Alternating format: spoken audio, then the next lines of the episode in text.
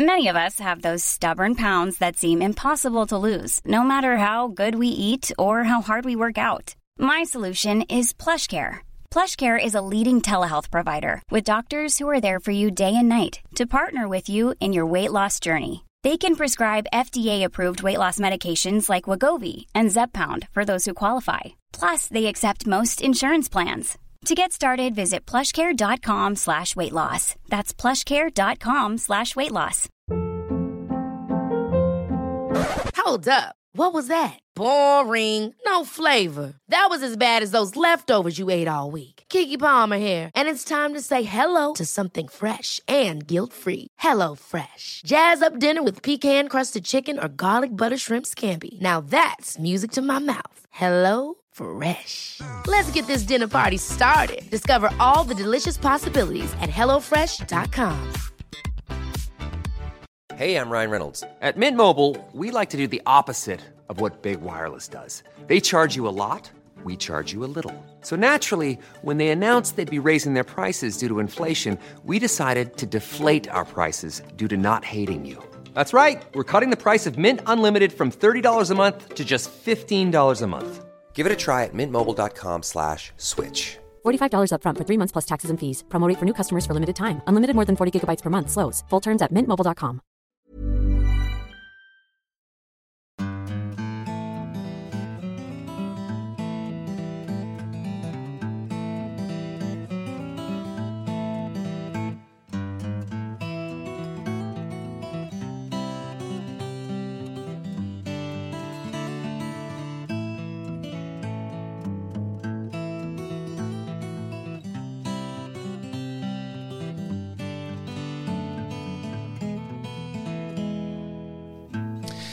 Hjertelig velkommen til en ny episode av din favorittpodkast, Hall og knall-podden. Og hjertelig velkommen også til deg, min kjære Kristine.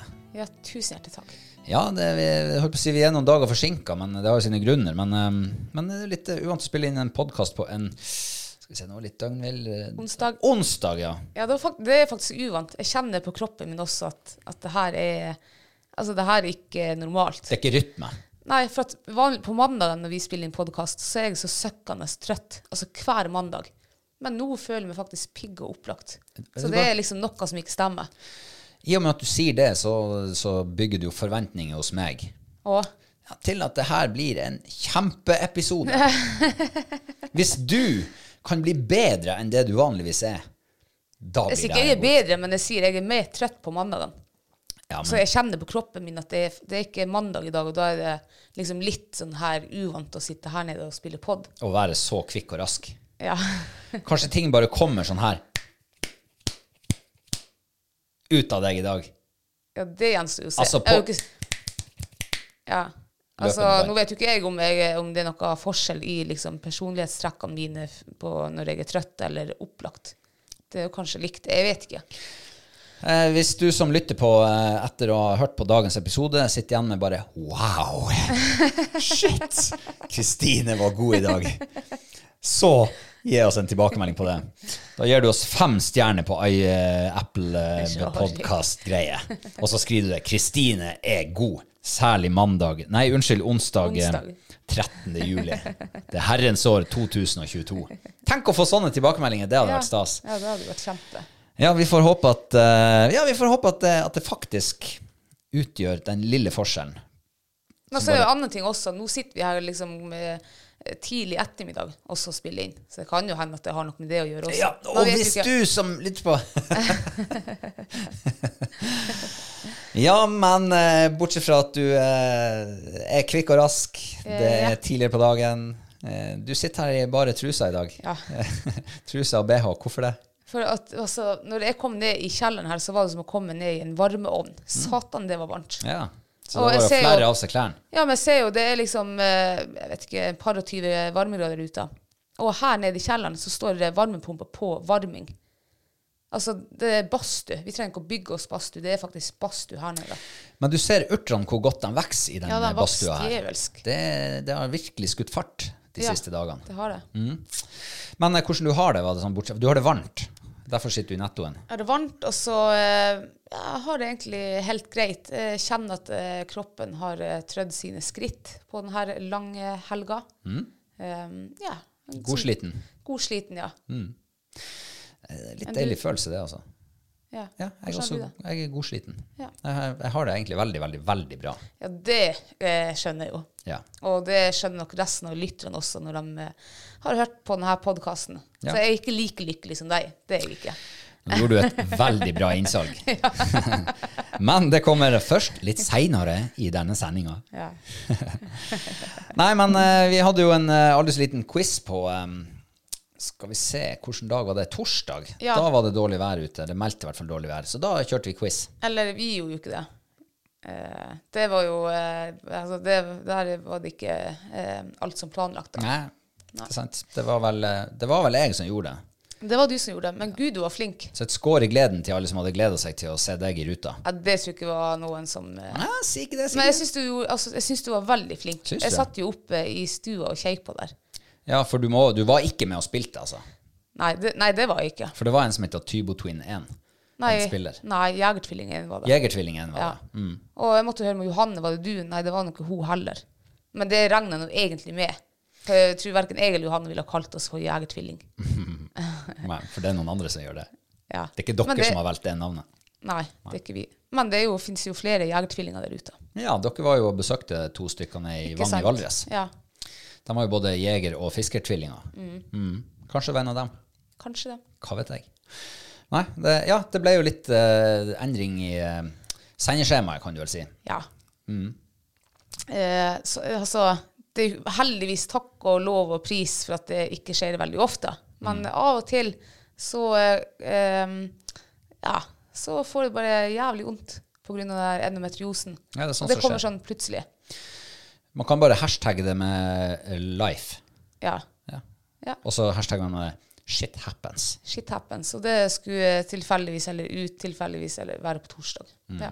Ja, Vi prøvde jo å utsette det i et kvarter for å se om du fikk kontroll på kroppen din. ja, for jeg tok jo Paracet. Jeg tenker det er Vanligvis så funker jo det, Mm. eh, men eh, ikke da. Nei. Nei.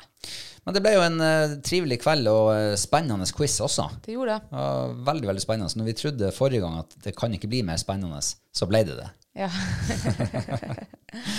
Men det var faktisk litt uvant å sitte alene. det var det, ja. Mm. Ja, Lede var- sendinga fra A til Å. Mm. Det er jo veldig godt å ha en Men du er jo den fødde liksom sånn her eh, radio-quiz-wert. Ja, Nei, wert. Nå prater jeg noe Quiz-wert? Ja. veldig født quiz-wert. Jeg har av og til sånne her ja, engelske og thailandske og danske uttalelser. Ja, thailandske, var det du sa? Ja. Det var ikke det jeg sa nå. Vert. Vert. Ja, hvert. Med kvart. Nei, og det var nok skryt for min del nå. Men uh, det, var, det var det jeg skulle si, bare for å fullføre resonnementet, at um, det er noe med den tryggheten å ha en wingman, eller wingwoman, Woman. ja, med seg. Og så når man plutselig ikke har den uh, wingman-woman mer, så det, det var, forsvinner litt av den tryggheten i hverdagen. Ja, men det syns du var De fem første minuttene så så du hadde litt sånne her um, kalde føtter. Eh, men så ble du varm i trøya, så jeg. Da, jeg syns du var veldig flink. Ja, takk for det. Eh, ja, vi hadde jo noen premier og greier som vi skulle sende ut. Men nå har vi jo vært på en aldri så liten tur, så de ligger nå her enda. Ja. De blir sendt i, i løpet av eh, morgendagen. Eller torsdag. Nei, det er torsdag i morgen. Denne uka. Er det onsdag? eller? Ja, det var onsdag. onsdag, det sa vi. Før vi tar helg, så skal de ligge på postkontoret. Ja. ehm, så det var, men det var artig, og takk til alle som var med og spilte. Og så får vi nå se hva neste runde blir. Nå melder jo skitvær um, begynnelsen av neste uke, så kanskje da. Ja, kanskje det. Men har, er folk i feriemodus nå? Er det sånn at folk ikke gidder å sette seg ned og spille quiz? Jeg. Midt, på, så midt i fellesferien? Det kan jo hende. Jeg hadde jo, jeg hadde jo faktisk trodd at denne torsdagen så skulle det liksom bli um, jeg si, eh, seerrekord, liksom. Og det ble det jo ikke. Nei? Så kanskje folk er i feriemodus. Kanskje vi rett og slett må drøye til uh, ut i august. Kanskje det. Vi får se. Ja. Vi ser litt an på værmeldinga og lysta, og om uh, hodet bobler over av nye mulige spørsmål. Ja.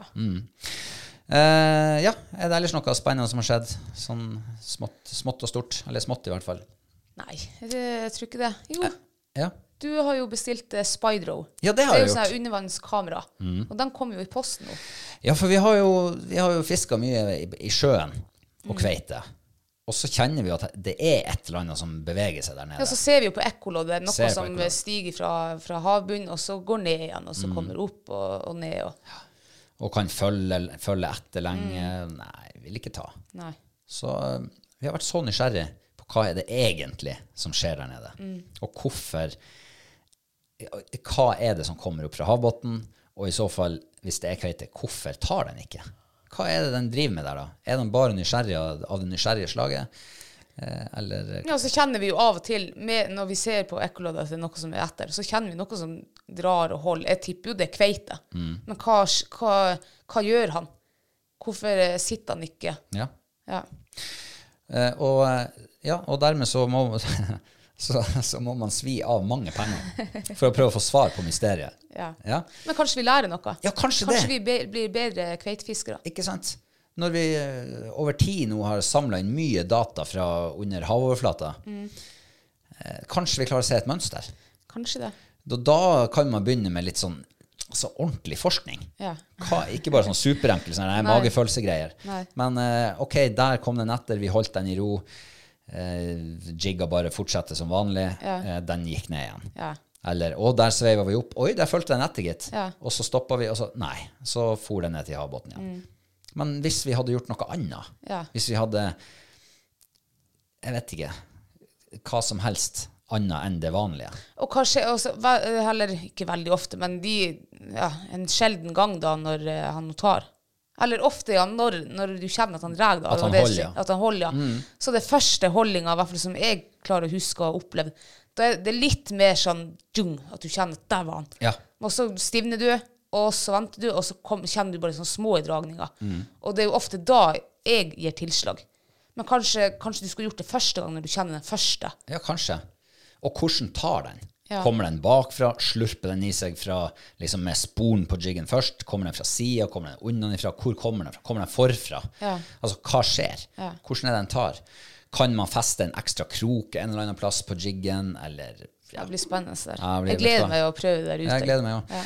Og uh, ulykka ved å bo på kysten, det er jo at når det blir sånne dager som i dag, varmt, over 20 grader, Mm. Melder rolige vindforhold, så skal man ut på havet, Og så er det kvitt. kvitt. Ja. Nord, nordavind, solgangs, ikke bris, men kuling. Ja. Så blir man liggende uh, værfast, rett og slett. ja, man gjør jo det. Mm. Så da får man ikke testa ut. Man får ikke komme seg ut da. Nei. Men i kveld så er planen min jeg skal ut på sjøen. Solgangsprisen bruker å gi seg sånn i nitida pluss minus. Ja. Da skal jeg ut på sjøen, og så skal jeg eh, teste Spydroen. Oi. Mm. Kult. Og så ryktes det at de har begynt å få eh, storsei. Skikkelig stor sei igjen. Ja. For eh, snart et år siden så tok du ny familierekord det gjorde jeg. Ja. med en ordentlig voksen sei på 14 Jeg er spent kilo. om de blir holdt i det her året. Jeg tipper jo det, for at vi har jo ikke fått eh, all verdens med fisk på havet. Nei. Nei, men det er det man vet aldri. Man vet aldri. Mm. Nei, men Det blir spennende å prøve, prøve Spyroen, og ikke minst eh, se om storseien er i, i slaget. Ja. Ja, du solgte jo inn uh, virkelig på starten her hva vi egentlig har puska med de siste dagene. ja. For vi har jo vært uh, langt og høyt til fjells. Det har vi vært ja. Og det var egentlig en veldig sånn spontantur. Veldig. Veldig, ja. For jeg tror det var på torsdagen. Så sjekker du værmeldinga, og så spør du skal vi gå dit. Og tenkte bare, jeg, tenkte, jeg trengte egentlig ikke å tenke så mye på det. Bare si ja, det gjør vi. Mm. Og så angrer jeg meg som bare ja, juling. jeg, også jeg gruer meg så mye til den turen. ja, for det er jo langt å gå. Det er djevelsk langt å gå. Det er jo gåturen som Og så er det noen hindringer som liksom åh, ja, Ja, ikke sant? Som man ikke helt vet hvordan er. Um, ja. Ja, nei, så det er liksom eh, Det er turen inn til paradiset mm. og turen tilbake igjen som er eh, dørstokkmila, Ja. hvis man kan si det sånn. Det er Ja. barrieren Altså Den første dørstokkmilen det er jo å bare sette seg i bilen, for du vet det er jo det er mange timer å er, kjøre. Det, ja, Eh, ja, nei, men vi overvant eh, både frykt og uh, uh, vonde tanker. ja. Og så var det også det å starte på kvelden. Og det er liksom, for jeg kjenner jo den, når sex, når sex nærmer seg, så, så blir jeg sånn sextrøtt. Halv seks trøtt. Ja. Halv seks, da, da sovner kroppen min. ja. Og så skal man starte å gå i den Så tida. skal du begynne å gå, ja. Uff. Ja, det gruer jeg meg til. Men det er vel liksom når du har fått sekken på, på ryggen og Ja, det som var da, denne gåturen, den ble jo utrolig mye lettere enn jeg hadde eh, trodd innover. For med det samme, liksom, jeg har fått sekken på ryggen og skal slå telefonen på flight-modus, så tikker det inn melding fra NK. Ja. Og da fikk jeg brev om at hun Jørgine Klopp hun var HD-fri med A-hofte. Yeah! Så det var skikkelig god nyhet. Og jeg satt jo hele den bilturen, altså hele fredagen, så oppdaterte jeg NKK, for det bruker å komme liksom dit først, da. For å se om eh, HD, eller ja, resultatet var sendt inn. Eh, så ja, så det var veldig, veldig gledelig å få kunne gå liksom innover med den der eh, nyheten. Hvis det hadde kommet en uh, nyhet om det stikk motsatte, at du hadde HD, fullgave HD, Ja. hadde du da blitt sånn her Og så hadde du ikke, da hadde du ikke hatt den, du hadde ikke fått den energiboosten, da hadde du fått en energitapping, da. ja, altså Det er jo ikke noe hyggelig nyhet. Og jeg har fått det en gang før. Eh, men det var kanskje litt annerledes. Um, og da skreik jeg. Jeg skreik i en uke. Æsj. Men det var litt, jeg ville ikke ha skrekken nå. Det ville jeg ikke ha gjort. Uh, men uh, nei eh, altså, Turen hadde blitt sikkert det samme. da som Det blir var. jo veldig sånn her hypotetisk, Ja, det blir jo det. Ja. Men turen ble i hvert fall bedre nå når jeg fikk de gode nyhetene. Mm. Det gjorde den.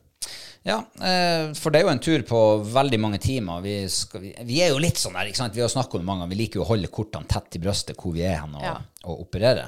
Så vi kommer jo ikke til å angi hverken eh, antall mil eller eh, antall høydemeter eller mange timer eller ingenting sånt. Men det kan si at vi hadde rekord hjemover. Det kan vi si. Ja. Men vi sier ikke hvor lang tid vi brukte. Nei, men vi kan si at vi eh, fra i fjor så snørpa vi inn på rekorden på en par og tyve minutter. Ja. Veldig bra.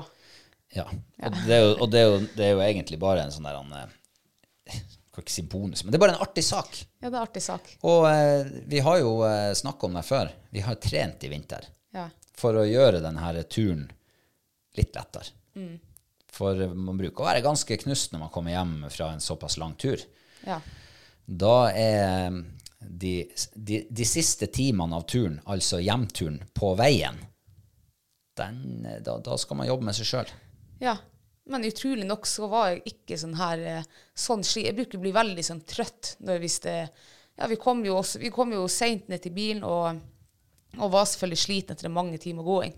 Men jeg var altså så kvikk i går. Og jeg følte jeg hadde jævlig verk i føttene da. Mm. Ja, men det får man på holdt jo å ta kveld på liksom nedover lia der. Ulendt terreng og greier, det, det, det tar på. Selv Ja. de best trente føttene, det er jeg Men- ganske sikker på. Men i dag så er jeg faktisk, merker jeg liksom ikke jeg, ja, kanskje, kanskje kjenner at jeg er litt øm liksom på, eh, ned, på, ned på lårene, liksom. Mm. Ellers så kjenner jeg ikke noe, så det er litt deilig. Ja, det er det. Og det betyr jo kanskje at den lille treninga vi har puska med i vinter og i vår, har hatt en liten effekt, da. Kanskje det. Ja, jeg tror det. For eh, nå, nå har jeg jo gått, gått den turen mange ganger. Det har jeg gjort. Men eh, jeg har aldri vært så kvikk når jeg har kommet tilbake igjen, som jeg er både i det vi treffer bilen, i det vi treffer hjemme, og ikke minst i dag. Jeg det, det Jeg vil anbefale det til alle som skal gå langt. Tren. Ja. Og så tok vi jo, du tok jo også rekord. Du har jo vært eh, altså, du har vært de ti siste årene. Jeg har vært de tre siste årene. Mm. Eh, Så det sier jo også litt. Ja, det gjør det. Ja, ja. Og litt sånn klapp til skuldra bare på oss sjøl. Ja, Hashtag snikskryt. Å, så fin form jeg er. Og Litt så godt trent. Men det var jo hinder for å komme oss dit inn. Mm. Um, kan jo si at det er noen elver og krysser. Mm, det bruker å være det. Det bruker å være det, ja. Og det var det denne turen. Og uh, første gikk noe relativt greit. Vi måtte jo kle av oss. Um, det var jo akkurat sånn at vi pff, ikke hadde gått tørr over med fjellskoene. Så vi, vi hadde jo eh, crocsene med oss, og, eh, eh, så det gikk noe greit. Uh, første elva var ingen problem. Så jeg tenkte at det her er jo bare For jeg hadde grua meg litt til de der elvekrysninga. Andre elva, da holdt det altså og, eh, Vet du hva, det var altså helt jævlig. Ja, og hva var det som var så ille? Hva var det som var så ille? Vi går først litt, og jeg kjenner det litt sånn kaldt, men da var det så vidt vi bare vassa. Og så ser jeg at du stopper midt ute i elva oppå en stein og skriker. Hyler ut. Og Jeg skjønte ikke først hva det var for noe, men da du sier jo at du holdt på altså Det er jo isekaldt, det biter jo så djevelsk. Og da gruer jeg meg. Og da Uff. Det var jævlig, altså. Altså, det var så kaldt at elva tok sitt kalde, harde grep, beit i føttene. Ja. Slapp ikke. Jeg kan tenke meg at du får en, en, eh, en bjørn som tar tak i, i hælen din, hele foten, stikk den inn i, inn i munnen og bare sakte, sakte, sakte bit sammen. Og du kjenner nesten at beina begynner å briste. Hakket før beina begynner å briste. Så vondt tror jeg det gjorde. For det var så kaldt. Det var så kaldt, ja. Du kjente, jeg kjente langt inn i margebein, liksom. Det var altså helt Buff. Og det var ikke sånn at du bare liksom løfta foten opp av eh, elva, og så var smerten borte. Nei. den varte til du kom på land, og til du hadde fått liksom Det, det gikk sin tid. Ja, det gjorde det. Det der er noe med det mest uh, onde jeg har, jeg har kjent på mine turer. Vet du hva, Jeg trodde liv. ikke iskaldt vann kunne være så smertefullt. Jeg har jo liksom, jeg har sittet på fjellet på isfiske og stukket liksom handa ned i, i, i vannet. Eh, ja, vært litt kaldt, men det har liksom ikke Det er liksom det. Men eh, å døppe føttene midt på, sommer, på sommeren i ei iskald elv Fy faen, altså, det var kaldt. Ja, det var, det var, så smertefullt. ja, det var rett og slett brutalt for føttene. Ja. Ja. Nei, men eh, det gikk nå greit. Vi gikk kom greit, oss med både føtter og liv i behold. ja det gjorde det. Men eh, jeg vil si en ting, og det er jo at når man skal gå langt, så må man jo ha eh, man må jo ha litt, altså, ha litt proviant med seg, altså litt mat til turen inn og tilbake. Da. Eh, og jeg har prøvd mye forskjellig. Jeg har eh, prøvd eh, brødskive, vanlig liksom, matpakke. Jeg har prøvd eh, sånn her energigel, eh, sjokolade, energibar, eh, energidrikk, eh, drytech. Jeg har egentlig prøvd alt. Alt funker. Ja. Men det vi gjorde i, nå i sist, når vi gikk inn, det var faktisk å kjøre den lille ekstra veien ned til, eh, til eh, kafeen. Kjøpe med seg ferdigsmurt bagett før vi kjørte liksom, ut på tur. ja. Det ble en aldri så liten ekstra tur, men jeg må bare si det, det var verdt det. Det var verdt, ja. Altså, når du står og plukker det vi la på, det vi la på, det vi la på, ekstra smør, ekstra majones, alt som er masse energi og kalorier i, og du vet at det som ligger i topplokket på sekken og venter på deg når du er kommet sånn cirka halvveis, det er noe som er skikkelig godt. Du verden, altså. Vet du hva? Det kommer jeg til å gjøre hver gang jeg skal gå på langtur. Ja, det gjør jeg også. Det var, det var faktisk veldig godt, var det. Og i stedet for å liksom gå sånn her Nei, nå må vi stoppe, og sånn, som, sånn som jeg har gjort i alle år. Eh, enten bare gå og liksom ha det lett tilgjengelig i lomma og bare trykke i seg en eh, pose med sånn her energigel, eh, eller hva det måtte være. Så var det faktisk sånn at jeg gikk og gleda meg til jeg begynte å bli sulten, og vi måtte stoppe, og vi skulle spise lunsjen vår. Det var så godt.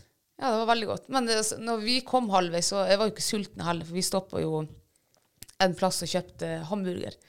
Eh, så eh, jeg holdt på å gulpe hamburgeren. Men det var, jo, det var veldig godt med den her eh, smurte baguetten. Og så hadde vi jo Den var jo såpass stor at du hadde jo liksom kveldsmat også når man kommer inn til vannet. Ja. Så det var Ja, helt, altså rene kinderegget. Ja. Ja. Så det kommer jeg til å gjøre igjen. ja. Uh, ja, nei, men uh, nå har vi vært der. Hvordan var det å komme, komme fram igjen? Det var så deilig å komme fram igjen. Altså, det, er, det er jo en lang tur, og det er liksom noe du Det er nesten som svenskejakta. Du tar bare den turen en gang i året. Og det samme er det jo litt med den her, siden den er såpass lang. Eh, nei, det var så deilig å komme dit. Det er så fint å være der, og du vet at det er storfisk i vannet.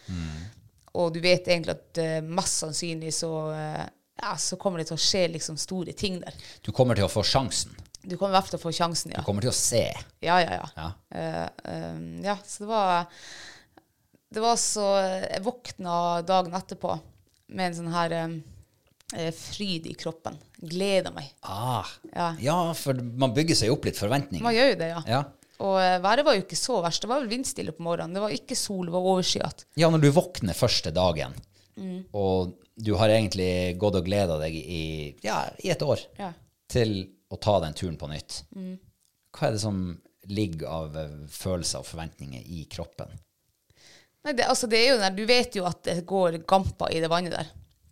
Og det er jo derfor jeg går dit opp. Jeg går jo ikke dit opp for å fiske kilosfisk, det gjør jeg ikke, for det har jeg andre vann som ligger mye nærmere.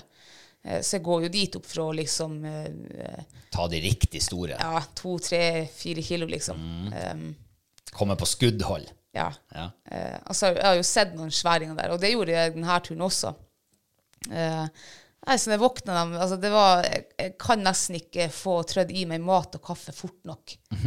Det, bare- du, det der er litt sånn som, eh, sånn som rypejaktstarten brukte å være for deg før. Ja.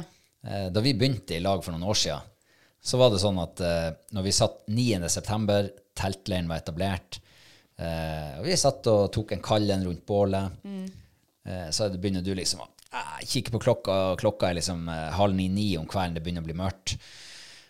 Gå og krype i posen, må sove. Hvorfor det? Jeg skal jo tidlig opp i morgen. Ja, hvor tidlig da? Nei, i firetida.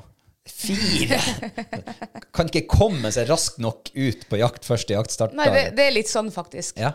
Eh, nå eh, drøyde han til klokka seks da på morgenen. Ah, shit. Ja, du har virkelig Ja, tøyla, ja, tøyla.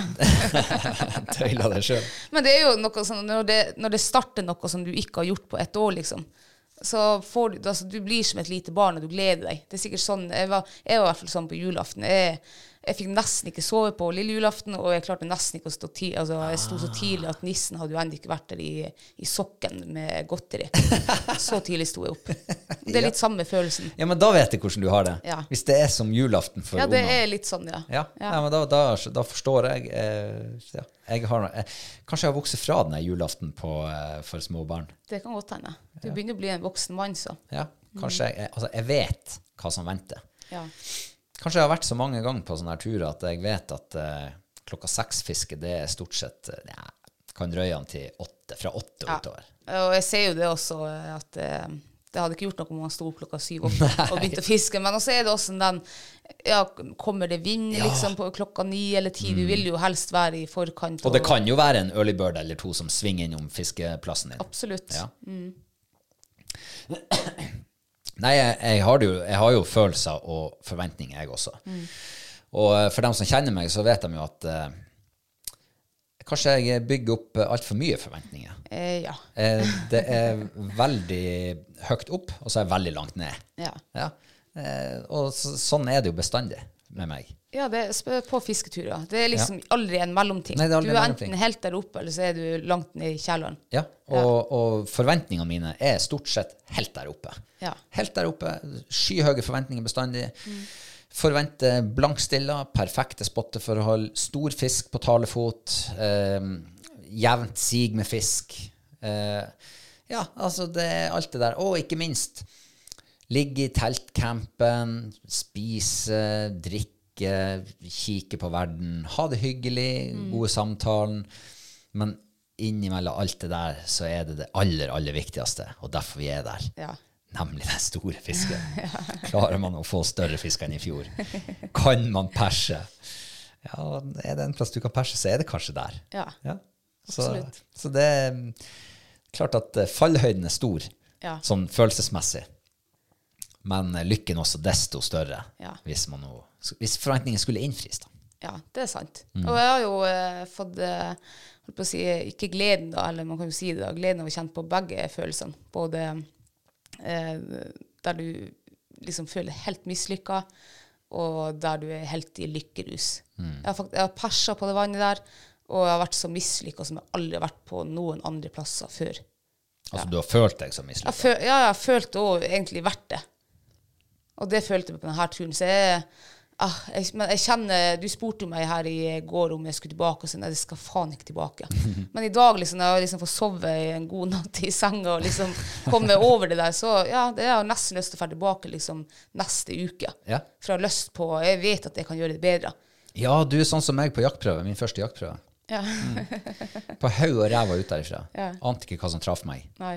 Men uh, du får sove litt liksom på det og tenke deg om. revansjelysten. Revansjeløsning, og det er absolutt noe Det kjenner jeg veldig at jeg er. Ja, men why?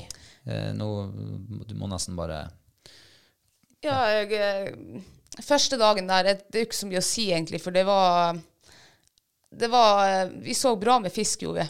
Men de var jo så skvetne at man skulle tro de hadde sett eh, Mann med ljåen. mannen med ljåen, ja.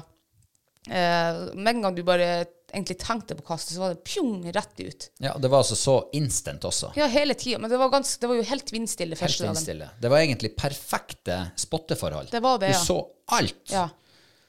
Eh, og det er klart at eh, ørreten er jo litt skvetten av seg. Ja, men den dagen, Altså, nå har jeg bare vært der tre, tre år på rad. Eh, den første dagen jeg har aldri sett så skvetten ørret før. Den var jo helt eh, Ja. Jeg vet ikke om de har huska oss fra liksom i fjor eller noe. De ante det vel at eh, her kommer det en uh, ørretkiller fra Reisadalen. Bare én. Ja, eller to. Dem må vi holde oss unna. Så det var, Oi, den der flua kjenner jeg igjen. Det var faktisk en harstadværing som sa til meg en gang at uh, ørreten husker flua i ett år. Å? Ja, han husker deg. Kanskje det da, for jeg begynte med den flua som jeg lyktes med i fjor. Men den eh, fikk jo ikke fisk på, så jeg måtte jo skifte. den. Nei, det var det de, akkurat sånn plum, Oi, den der. Nei, plum. Så på dag to så skifter jeg flue. Mm. Eh, og da var det jo bedre. Ja. Men eh, det, jeg skulle jo få liksom bite i det sure eplet og kjenne liksom eh, drittsmak i kjeften før det skulle skje, da. For at eh, eh, Ja, det var blåste, blåste ganske mye. Men du hadde bestemt deg for nei, vi må fære og fiske. For den vinen ville jo ikke gi seg, så det var jo ganske seint på kvelden. Og så går du ned, og da ser du en fisk, den, og så får du den. Ja. Det var kjempeartig. Altså, jeg syns det var dritartig. under det virkelig. Å ja, nå sa du det på en måte som gjorde at det nesten hørtes sånn ironisk ut. nei, ja, det var jo kjempeartig. Nei, altså, nei, altså det var kjempeartig. Det var sykt artig. For dagen før så var du langt ned i kjelleren og var liksom litt sånn sur og grinete. Ja, for vet du hva, det som skjer første dagen, det er jo at, som du sier, ørreten er så skvetten. Ja. Eh, Det er sånn at stikker du hodet over krattet, eller over kanten på en måte, så er liksom bare ørreten long gone. Ja. Du, får, du, du får ikke nesten sjanse å kaste på dem engang. Og med mine forventninger Ja. så var veien veldig, veldig kort. Langt, langt ned i kjelleren. ja. Der er det mørkt. Så de gode samtalene ble spart til andre dagen. Det var ikke mye Kan jeg, kan jeg beklage på vegne av meg sjøl måten jeg oppfører meg på når jeg føler nederlaget? du trenger ikke å beklage, for du fikk jo kjent litt på altså, sammen mitt seinere ut på den turen her. Ja. Eh, Så du trenger ikke å beklage. Nei, ok. Jeg tror vi er skuldseg. Eh, Men det var litt sykt, det der, det du Ja. begynte å fortelle om nå. Altså, det, det blåser pålandsvind, ganske kraftig. Mm. Ja. Mm. Og, så, og så dukker sola opp. Eh, og Så du ser jo faktisk egentlig ganske greit. Ja, ikke sant? Det er det som er. Du, har ikke, du ser ikke så langt, Nei. men det du ser, det synsfeltet du har, selv om det blåser Så lenge sola er oppe, så ser du det ganske godt, altså. Mm. Og jeg kom jo smygende ned eh, til vannet, og, eller jeg kom egentlig ikke smygende. Jeg bare stampa ned. Ja. Uh, stopper på kanten, og altså, det første øynene stopper på, det er altså to fisker som står rett utfor land. Og jeg snakker to stanglengder. Ja. Det er sånn at jeg trenger nesten ikke å hive. Jeg kan nesten døppe flua ned i vannet til dem. Ja. Og de bare sto der. Jeg tenkte, hva dere står der for? Jeg står jo her. Dere ser meg jo. Men nei da. Dum som de er, så står de bare der. Og da er ikke Bjørklund veldig tung å be. Det ante meg jo at uh, vin visker ut konturene av meg litt. Grann. Ja. Altså at jeg, litt sånn som når vi prøver å se på fisk i vind uten sol, så ser vi at der så jeg kanskje noe. Nei, det var ikke noe likevel. Jo, der står det faktisk en ørret. Så, så da, bølgene visker oss litt ut. Så jeg sto jo der på fem, seks, syv, åtte meters hold. Eh, Det tar litt bevegelse bare for å få flua løs av stanga. Og liksom trekke ut litt snøre og begynne å kaste. Kastinga, da er det jo som ofte så er det bare pjong av gårde. Ja. Nei, sto der. Hei flua ut. Landa to meter eh, attmed fisken. Og den bare tar med en gang. Ja. Helt sprøtt. Og så er ja, Ørret er jo litt kjedelig. De er litt, de er litt trege. Det er ikke sånn her eh, fyr i ræva på dem og bare pung av gårde. Nei, nei, men, men du kjenner, altså, bare det å lykkes med å ta en ørret, for ørret er jo kanskje den vanskeligste fjellfisken du kan fiske på. Absolutt. Ja. Ja. Så du, du, bare det at Ja, shit, jeg fikk han til å ta, da har du gjort noe riktig. Mm. Og kjenner liksom tyngda. Ja, for det er det, du, det er det du tar det på. Er det her en stor fisk, eller er det bare en sånn Ja. vanlig? Og du kjenner tyngda. Ja, du vet med en gang om det er Ja. Og så kjenner du ofte litt på måten han går på også. Ja. De store de kan, eh, de kan være litt sånn beherska i, i utraset sitt, på en måte. De kan gå litt sånn bare sånn jevnt og Ja. trutt og sig, sig, sånn støtvis og rykkvis. Når du får en sånn på, så vet du at her er det en viss størrelse, i hvert fall. Ja. At den er over to kilo, ja, garantert. ja. Eh, ja. Så jeg fikk, jo, jeg fikk jo gleden av å være med på det der Jeg sto ikke så langt ifra den når eh, du fikk den på.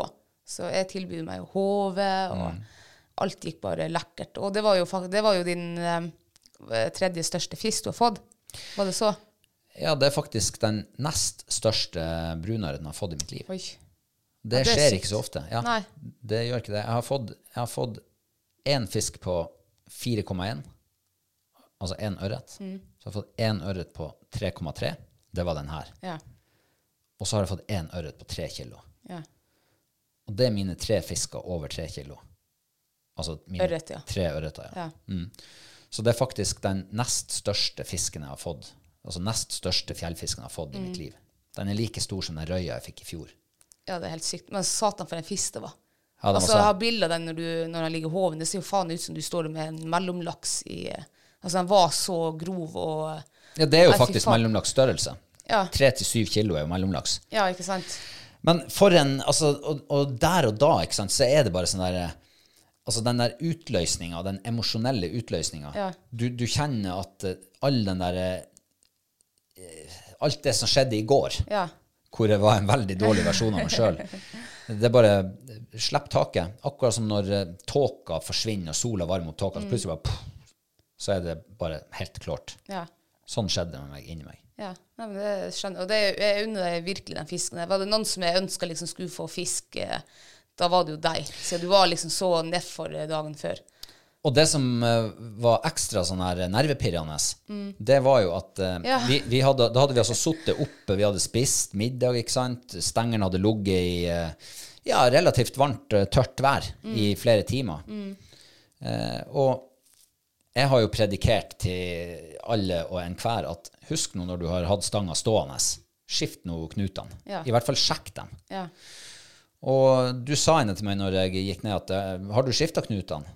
Nei, da sa jeg jeg tar det når jeg kommer ned. Ja. Nå skal jeg stå der og speide, og så skal jeg skifte knuter mens jeg speider. Jeg kan gjøre to ting samtidig. Jeg er jo tross alt mann. Og så kommer jeg ned der, og så møter de der fiskene meg. Da var det glemt, eller? Nei, eller men- bare tenkte du at du måtte bare Du Nei, jeg, tenk, ja, jeg tenkte at jeg må bare. Jeg, altså, hvor lenge skal den stå der? Har, jeg har ikke tid å begynne å skifte, skifte knuter og styre. Og det kan jo hende at man skifter både knuter på flua og den ytterste knuten på spissen. Ja. Så det kommer til å ta sin tid. Hvor lenge står den fisken der? Det her har jeg ikke tid til. Så jeg måtte bare gamble. Ja. Jeg tenkte at den tar jo ikke uansett. Den kommer jo til å bare stikke av gårde med det samme flua treffer vannet. Nei, så kommer den og glefser i seg flua. Helt sykt. Og der står jeg og tenker "Den- er stor, den fisken her. Ja. Det så jeg jo. Jeg så ikke hvor stor den var. Før du kom ned og begynte å gaule at den her er jo fire kilo! Og jeg tenkte hæ? Fire kilo? tenkte Det går ikke an. du, du, den så så stor ut i vannet der med Ja, de bølgene. Og vet du hva, jeg var sikker på fire pluss. Og så har du polaroidbriller på deg, ikke, Ja, sant? ikke sant. Så- og det forstørrer jo alt. Og så sier, forteller Anne til deg Sjekka du knuten? Nei, sa du. Så Ja. herregud, jeg sjekka min, og bare det røyk bare liksom var borti. Mm. Nei, uff, da var jeg nervøs på dine vegne. Ja, vet du altså. hva, hva du tror jeg var? Jeg var så skjelven i magen. Altså, du vet sånn, Den der indre skjelven du får i magen Ja. Mm. av og til når du er nervøs, den hadde jeg, og den, den var som en brennende koldklump inni Ja. magen på meg gjennom hele den fighten. Og jeg torde jo ikke å bremse fisken, f.eks., når den gikk. Nå gikk den heldigvis ikke så langt, for går den plutselig 50-60-70 meter ut, så begynner du å få mye tyngd bare i snøret Mm. og motstand i vannet og alt det der. Så da hadde det jo vært ekstra kritisk. Men så holder den seg jo på et sånt høvelig fluekast. ikke sant? Ja.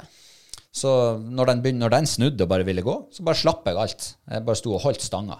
Ja. Torde ikke å ikke legge noe press på den. Så tenkte jeg, du får den bare gå til du stopper sjøl. Ja.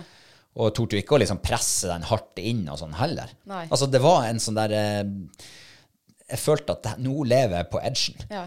Det var faktisk en ganske liksom, lang, eh, kamp, for Mm. jeg filma det her. Jeg tror jeg har eh, 14-15 minutter på, Det var såpass, på telefon. Ja. Ja. Og da eh, var det vel noen minutter ikke filma jeg. Mm. Eh, men eh, altså, han var jo bare det Han var sikkert bare syv-åtte minutter inn med land vi sto og håva, men du torde ikke å legge press i Akkurat. tilfelle knuten skulle ryke. Ja. Lykken er jo antageligvis at du står med en eh, treerstang eh, som eh, tar mye av tøgna på knuten. Mm. Mye av. Ja, så eh, hadde jeg stått med en femmerstang, hvem vet hva hadde skjedd da? Ja. Det er, det er litt forskjell på en treer og en femmerstang. Ja. Han eh, fikk han i hoven, og Ja. knuten holdt. Og når jeg da, når jeg da setter ut fisken igjen, skal sjekke knuten, så holder den. Den holder. Både flueknuten og den ytterste spe. Så ingen knuter røk. Nei. Så eh, der tror jeg jeg hadde ørretguden virkelig på mitt parti. Men så går det jo bare em, Og jeg stresser litt, for jeg skulle jo sjøl egentlig fiske, men så brukte jeg liksom et kvarter der hos deg mens det var skole. Og. Så jeg småstressa. Så jeg, du skifta nå sikkert knute, der, jeg vet ikke hva du gjorde, men så gikk nå jeg litt bort, da. Og så roper du igjen. Og da ser jeg, når jeg kikker liksom eh, eh, bort til deg, så står du igjen faen meg med bøyd stang. Og da da kjente jeg eh, Ah, stakk det, da? ja, stakk litt. Altså, det var ikke, var ikke den verste feelingen, liksom, men det stakk, og ja, jeg kjente liksom litt at eh, nå har du jo akkurat fått liksom opplevd den her gleden eh, og, og det vi har kommet for. Nå syns jo at det kunne vært min tur. Um, så eh, ja, jeg liksom prøvde nå bare å fokusere litt mer på meg sjøl. Jeg for ikke å tilby det og håve og sånn her. Det gjorde jeg ikke. Nei, Så gammel var du ikke. Nei, da tenkte jeg at nå må jeg jo, det der klarer du jo fint sjøl. Du er jo 42 år gammel, har gjort det her sikkert hele ditt liv. Så jeg tenkte at nå må jeg bare fokusere på meg og prøve å glemme deg. Uh, og det klarte jeg egentlig til en viss grad. Det ble liksom ikke, det var, men jeg kjente det var Jeg unna deg selvfølgelig den. Syntes det var artig at du klarte å lykkes. Men jeg kjente at ah, nå må nå jeg også klare liksom å Du hadde unna deg sjøl en fisk litt mer? ja, ja, faktisk. skjønner, jeg unner deg veldig mye den, den første. Det hadde jeg ønska for deg, og at du ennå klarte å få en så stor fisk. Kjempeartig. Og det var ikke ironisk ment. Eh, Men jeg tenkte nå må det nå faen være min tur. Um, og så får du den her, da.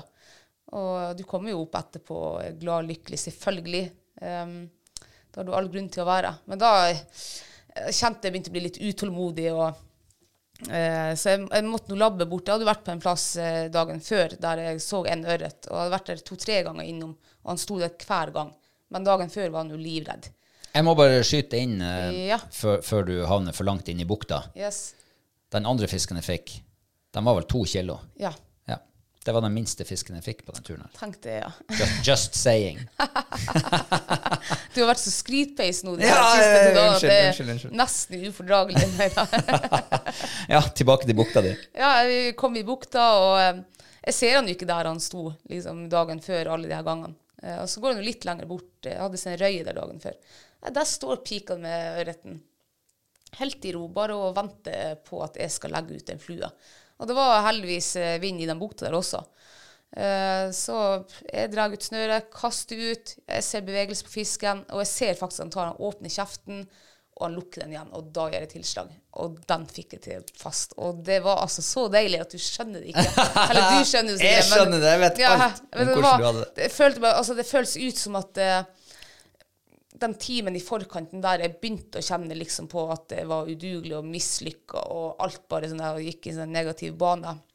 Det bare slapp, og jeg følte meg lykkelig, gjorde jeg. Det var altså så deilig og sånn her eh, utløsende. Jeg var ja. Du sa det jo til meg etterpå. Nå er jeg lykkelig, sa du. Ja, Ja. det var peaken også. For jeg tenkte, jeg tenkte også, ja, det sa også at nå er turen berga. Um, nå kan jeg gå hjem og smile. Ja. For at jeg har, eh, jeg har fått Den her var 2,1 kilo. Ja. Uh, ja, du, altså Bedre blir du ikke. Altså det, selvfølgelig kan det bli bedre, du kan få en større fisk, men du klarte liksom å lure den her vanskelige, skvettende ørreten, uh, som du også prøvde, fikk en par sjanser på dagen før. Men nå liksom klarte du. Ja, men er ikke det litt deilig, da, når du først kjenner på litt mot Jeg kjenner det jo for, for min egen del òg. Eh, hvis alt hadde vært så lett, så hadde man jo bare gått dit, plukka storfisk, og så gått hjem. Det hadde jo ikke vært samme. Nei, ikke sant? Så kommer du opp dit, og så møter man på altså, så mye motgang i et døgn. Ja. Eh, bare sky fisk. Vanskelig. Du må snikfiske. Du, det nytter ikke engang. Alt, uansett hva du gjør, så er bare fisken er borte. Ja. Og så våkner du opp dagen etterpå. Sliter gjennom hele formiddagen, halve ettermiddagen, og så plutselig så endrer forholdene seg. Og så er fisken plutselig litt mer på talefot. Ja. Og du får sjansen til å faktisk gjøre et normalt fluekast på den. Og så var jo her også ganske seigt på kvelden, og Mm. tidligere så var i hvert fall ikke jeg lyktes for å liksom, være i nærheten av fisk etter ettermiddagen. Mm. Så det var ekstra deilig at det går faktisk an med kveldsfiske. Ja, og der har du jo den der, den der de kontrastene der, ikke sant? Du har motstand, du sliter, du plages, du begynner å miste trua på deg sjøl, og så plutselig så lykkes du. Ja. Og så er du plutselig kongen av verden igjen. Ja, men da kjenner du kjenner på den mestringsfølelsen og ja, den lykkerusen og egentlig alt. Alt er positive. Mm. Altså, det var så deilig. Så det var, det var en veldig bra avslutning på den dagen. der. Jeg kjente at nå er turen bare 100 og ja, Det er liksom ikke noe som kan gjøre det her dårlig nå. Nei. Så feil kan man ta. Jaha. For eh, dagen etterpå eh, så er det jo kjempeforhold. Eh, Det er litt sol, og det er ganske vindstille. Men du har liten rift på vannet. Så vi, og jeg tenkte da fra dagen før at ja, men det gjør ikke noe om det er liksom litt vind på vannet. For det var da vi lyktes. Eh, Jeg starter med å få en eh, ørret på kanskje en 700-800 gram. Smellfeit. Det var jo ikke den fisken jeg kasta på, men han kom nå den største i forkjøpet.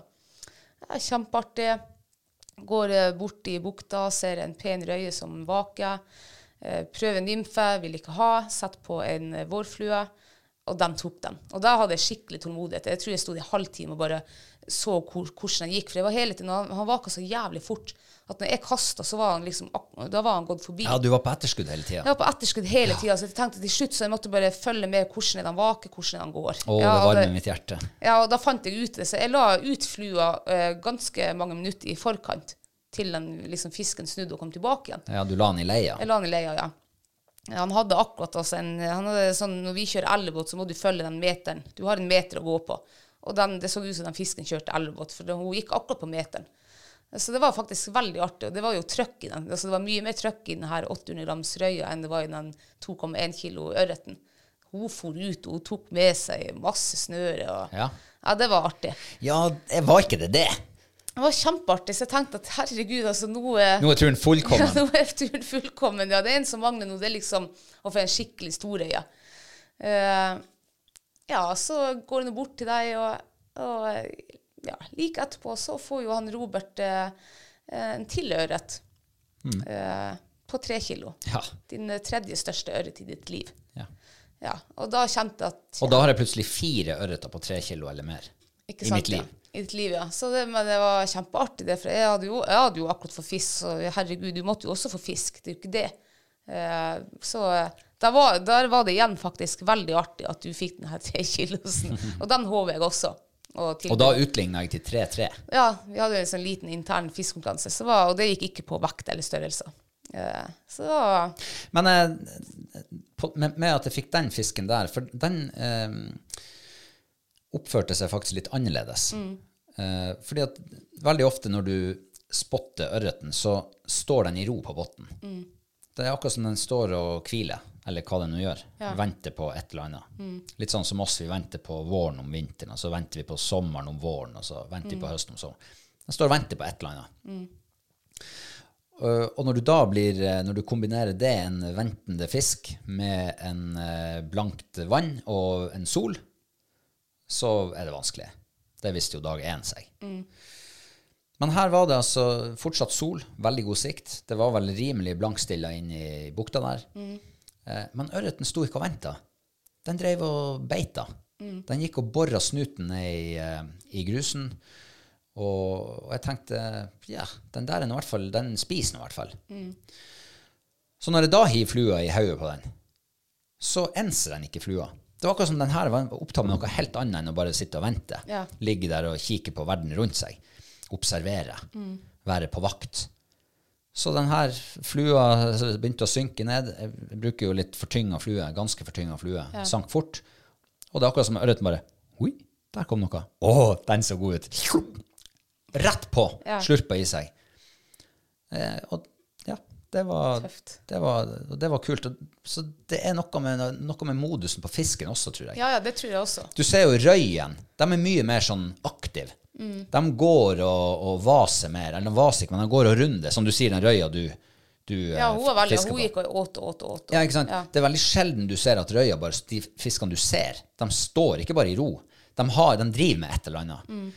Og kanskje det er det med ørreten òg. At når du ser at ørreten her gjør den et eller annet, Mm. den spiser eller den vandrer eller alt annet enn å bare stå Mm. pal i ro, så er den nok tåler den mer rundt seg av aktivitet Ja, ja det kan nok eh, Det høres jo logisk ut. Det er i hvert fall noe som streifer. Den tanken streifa meg mer enn én en gang akkurat i, i etterkant av den, den fisken der. De er jo ikke så smart heller, de fiskene vi liker, tro. Så jeg tror ikke han klarer liksom å gjøre to ting samtidig. Altså, sånn, Nei, kanskje ikke. det er jo ikke all verden med IQ i dem. Nei. det var veldig artig. Og den var, altså, den var skikkelig fin fisk, var det. Det Mm. var utrolig flott ørret. Ja, veldig. Ja. Men da igjen, liksom, når du hadde fått den her, da kjente jeg litt sånn åh, ah, altså, Turen er ikke helt fullkommen. Jeg må klare liksom å få med. Vi har, jeg så jo noen uh, storfisker der. Og den her storfisken som du fikk, uh, den, prøvde, altså, den fisken har jeg fiska på da i to dager. Og han bestandig bare funnet ut, har ikke lyktes. Uh, så jeg, jeg tenkte nå litt at eh, det der var kanskje min ørret. Nei da. Det var litt eiendommelighet òg i det her. Ja. Men man blir ikke altså, jeg blir en heks. Jeg kan bli en heks når jeg er og fisker. Jo, takk. Ja. Det har jeg sett. Men du kan faen meg også bli en skikkelig kuk. Trollmann. Trollmann, ja. Ja. Eh, så vi, der er vi faktisk ganske like. Ja, vi er ganske like. Ja, men så, jeg unner den fisken. Jeg syns det var kjempeartig. Men, og det ga meg egentlig bare mer sånn her Åh, nå vil jeg eh, Nå skal jeg Nå er det min tur. Nå er det min tur, ja. Så jeg var endelig liksom ikke gått ned i kjelleren da. Og det her var jo eh, på lun altså før lunsj. Og eh, ja, det var veldig trivelig. Eh, blåste vel mer og mer opp, og vi fikk faktisk sol ja på ettermiddagen. Eh, og så får vi å fiske igjen, og det er liksom virkelig litt håpløst. Jeg så ikke så mye fisk denne dagen. Det virka som eh, mye av dem vi så de to dagene før, de var liksom De var ikke inn mot land. De, var ikke, de viste seg ikke så ofte. Eh, og så litt seinere, der hører du sier 'Der er røya'. Og jeg kommer jo springende, for du, når jeg tenker røye, så tenkte jeg ok, men da er det ikke bare, da er det kanskje flere i lag. Så jeg kom jo springende der, og før jeg nådde meg fram, så hadde du den på, og du tippa at den var kilofisk. Ja, ja, for ikke sant, vi, vi hadde jo ikke sett røye. Nei, vi hadde jo ikke det. Røya var jo totalt fraværende. Mm. Så en og annen streifer. Vi hadde kanskje sett tre røyer på de dagene, Ja. fram til jeg så den her nå. Ja. Eh, og den kommer sigende ut fra djupa. Eh, har, kommer sånn skrått imot meg. Mm. Eh, og jeg, jeg identifiserer den egentlig bare på de hvite finnene. Ja. Det, det er jo eh, ettermiddagskveld. Mm. Eh, lyset begynner å bli dårlig, det begynner å bli litt sånn mørkt ned i vannet. Mm. Og jeg ser jo bare skyggen kommer, og jeg ser noen hvite finner. Og da roper jeg til deg, for det var avtalen. Ser vi røyet, så roper vi til hverandre. Ja. Eh, jeg måtte bare hive på den. Ja, ja, det skjønner jeg ja, jo. ja, men ikke sant, der, der, der ensa jo jeg i forkant der, så ensa jo jeg utålmodigheten din, lengselen din, og liksom den der eh, Nå vil jeg også få en ordentlig stor fisk. Ja. Eh, men altså, jeg, jeg, jeg måtte jo bare benytte meg av sjansen Ja, ja, når den kommer. Det hadde jeg også gjort. Så jeg leverer jo et kast og treffer jo helt perfekt. Mm. Tre meter foran røya, akkurat i leia der den er på tur. Og jeg ser jo bare at den skyter fart, gaper, tar flua, og bam, fast er den. Og det er jo så kult med røye. Mm. Ja. Det er jo altså Sirkuset er i gang. Tvert. Berg-og-dal-banen starter, og det er bare voff utover. Den tar altså på ja, 15 meters hold cirka. Og så er det bare dundring av gårde. Altså Det er som et lokomotiv som starter, og det bare går og går og går og går. Og går. Og du kommer rennende til, og det eneste jeg står og ser, er på snella. Hvor mye snøret har igjen? Ja. Og den her den gjorde jo ingen tegn til å stoppe. Nei. Det var ikke, Den slakka ikke opp engang. Det var helt sinnssykt hvor den gikk. Og jeg, altså, Der og da så tenkte jeg Var det sånn det var å ha stor røye på? Og så tenkte jeg jo likevel, for jeg så jo fisken, at det var ikke en gigantisk fisk. Den, var jo, den så ut som en kilosfisk i det den tok. Ja. Så jeg sier jo det til deg. Men du ser jo at den er jo 70-80 meter der ute. Og bare det der er ikke Nei, jeg tenkte det går ikke an at det er kilosfisk. Uh, selvfølgelig, du kan jo finne, men jeg så jo på stang, altså jeg så at det her var en, uh, altså en ordentlig uh, gamp. Ja. Jeg så det jo. Jeg skjønte det jo. Og da da kjenner jeg bare Da, da bare rakner det for meg. Ja, da kom det tårer. Jeg, da så jeg i hvert fall ingenting. Jeg Altså mens jeg står og kjører fisken? mens jeg står og kjører fisken, så kjenner jeg at jeg blir skikkelig eh, muggen, gjør jeg. Skikkelig sånn jentesur og uh, skriker, gjør jeg, det renner tårer, faen, og jeg må ta brillene av, for jeg ser jo jeg ser i hvert fall ikke fisk da med blanke øyne. Og du står jo der og jubler og har det kjempeartig, og det er selvfølgelig det hadde jo jeg også ville gjort. Og bare det var jævlig irriterende. så jeg sa ingenting til deg, jeg bare tenkte at eh, ja, Jeg tenkte så mye tanker at jeg trenger ikke å dele dem engang. Jeg tror ikke du ba om eh, Du tilbød ikke din hjelp til HV engang. Det jeg måtte ikke. gjøre alt sjøl. Jeg. Jeg tilbød ikke hjelp til HV. Jeg tenkte da kan du klare sjøl. Ja, du er jo tross alt en voksen mann. Ja, ikke sant. Jeg skal stå her og prøve å tørke litt hår og se om ikke jeg klarer også å spotte en røye. For det var jo akkurat samme plass vi hadde masse røye på i fjor, Mm. og plutselig så var de bare der. Jeg så jo ikke en dritt. Eh, altså, så, og de her brillene mine også. Da, og da begynte det å irritere meg, for at uh, du sa du hadde sett den ut på 15 meter. Jeg klarte faen ikke å se den steinen så tidligere på dagen på 15 meter. Så liksom alt ble bare jævlig negativt. Det eneste jeg tror jeg klarte å gjøre, det var å spørre om jeg skulle ta et jævla fangstbilde av deg. Ja, det det syns jeg var stort av deg i den tilstanden du var i der. Jeg Ja. så at det hadde rakna for deg. Ja, du så det, ja. Jeg så det. Når jeg fikk fisken i håven, da var liksom Da var mm, fokuset mitt Da var det liksom Kampen var over. Og når jeg snur meg mot deg, og jeg ser jo at du står der, altså Skuldrene henger, ryggen er luta framover, armene henger rett ned, det er liksom Brillene på, jeg ser på hele deg at det, det er ikke eh, lykke og glede av deg. Absolutt ikke. Da følte, for da hadde, du fått, da hadde du fått den dagen to fisker, altså to svære fisker på rad. Og jeg hadde den ørreten som jeg fikk dagen før, den var jo selvfølgelig glemt. Eh, det siste jeg husker, det var den der røya på 800 gram, liksom. Eh, og den ble også glemt da. Eh, så når jeg hadde nå fått knipsa de jævla bildene av den flotte røya, så bare loffa jeg av gårde. Jeg måtte bort fra det. Jeg måtte, liksom, jeg måtte egentlig bare være for meg sjøl og bare prøve å skjerpe meg. For jeg visste jo at jeg var, nå var jeg på tur å bli skikkelig, skikkelig barnslig. Ja. Uh, ja. Så jeg loffa av gårde. Eh, ja. Og der sto jeg igjen med Jeg vet ikke, men jeg har liksom en sånn der eh, Jeg har jo en viss omtanke for folk, ja. selv i sånne situasjoner. Altså, hva det kalles for det der, det ordet der. Med eh, eller noe. Altså, jeg vil nesten si medynk. Nei, men så, sånn, jeg kjenner, ja, det har jeg bestandig gjort, jeg kjenner på stemningen. Altså, jeg, jeg kjenner, jeg føler stemningen Ja, ja. rundt meg. Og der følte jeg at uh, her er det, det er ikke direkte ondt blod oss imellom, men det er ikke så veldig langt unna. Hadde det kommet en røye til Ja. rett etterpå, og du sto i den andre bukta, og ikke var på skuddhold til den røya, og jeg hadde fått den, Da hadde ringen på min uh, høyre hånd den hadde fordufta i Ikke sant? Så, og det merka jeg. Så jeg ba jo til høyre makt om at det ikke skulle komme noe røye til meg, i hvert fall den dagen. Eh, jeg ba faktisk til høyere makt om at jeg skulle komme med røye til deg. Ja, det ble ikke hørt. nei. Men, eh, men den der, det, og det er litt sånn der tveegga følelse. For at inni meg så jubler jeg, og jeg er så glad og så fornøyd for å endelig få kjent den der røyetrøkken igjen. Og samtidig så er det en annen side av meg som så ønsker at du også skal få oppleve det der. Ja. Og så jeg, jeg tillater meg liksom, litt mot min vilje egentlig, så tillater jeg meg ikke å, å liksom ta helt av. Ja, men det, men det sa jeg jo til deg også senere på kvelden når jeg hadde sluttet å, eller jeg hadde sluttet å skrike. At det må Noen, du bare noen gjøre. timer senere. Ja, par-tre da, timer senere. altså du må jo ta, hadde, hadde det vært meg, så jeg hadde nok ikke klart å juble heller. så, så jeg tror jeg er ganske lik deg også. Ja. Eh, merke stemninga og sånn der. Men for all del, det er jo din eh, Altså, du har lyktes, og det her skjer jo ikke så ofte i livet. Selvfølgelig skal du få lov å juble. Men jeg skjønner jo at du, eh, at du ikke gjør det, for jeg tror der ville sikkert også vært lik hvis det hadde vært visa vice versa. Mm. Uh, ja. Men jeg gikk nå bortover. Jeg så jo, jeg klarte jo faktisk å spotte en ørret i det her kveldssola, og, uh, for det var fette grunt der. Og der sto faen meg en ørret på ja, to stanglengder på grunna og beita, med snuten og bora nedi. Ja. Jeg heiv ut, og han virka interessert. Kom med en gang til flua, snusa på den og bare nei, viste med fingeren og stakk.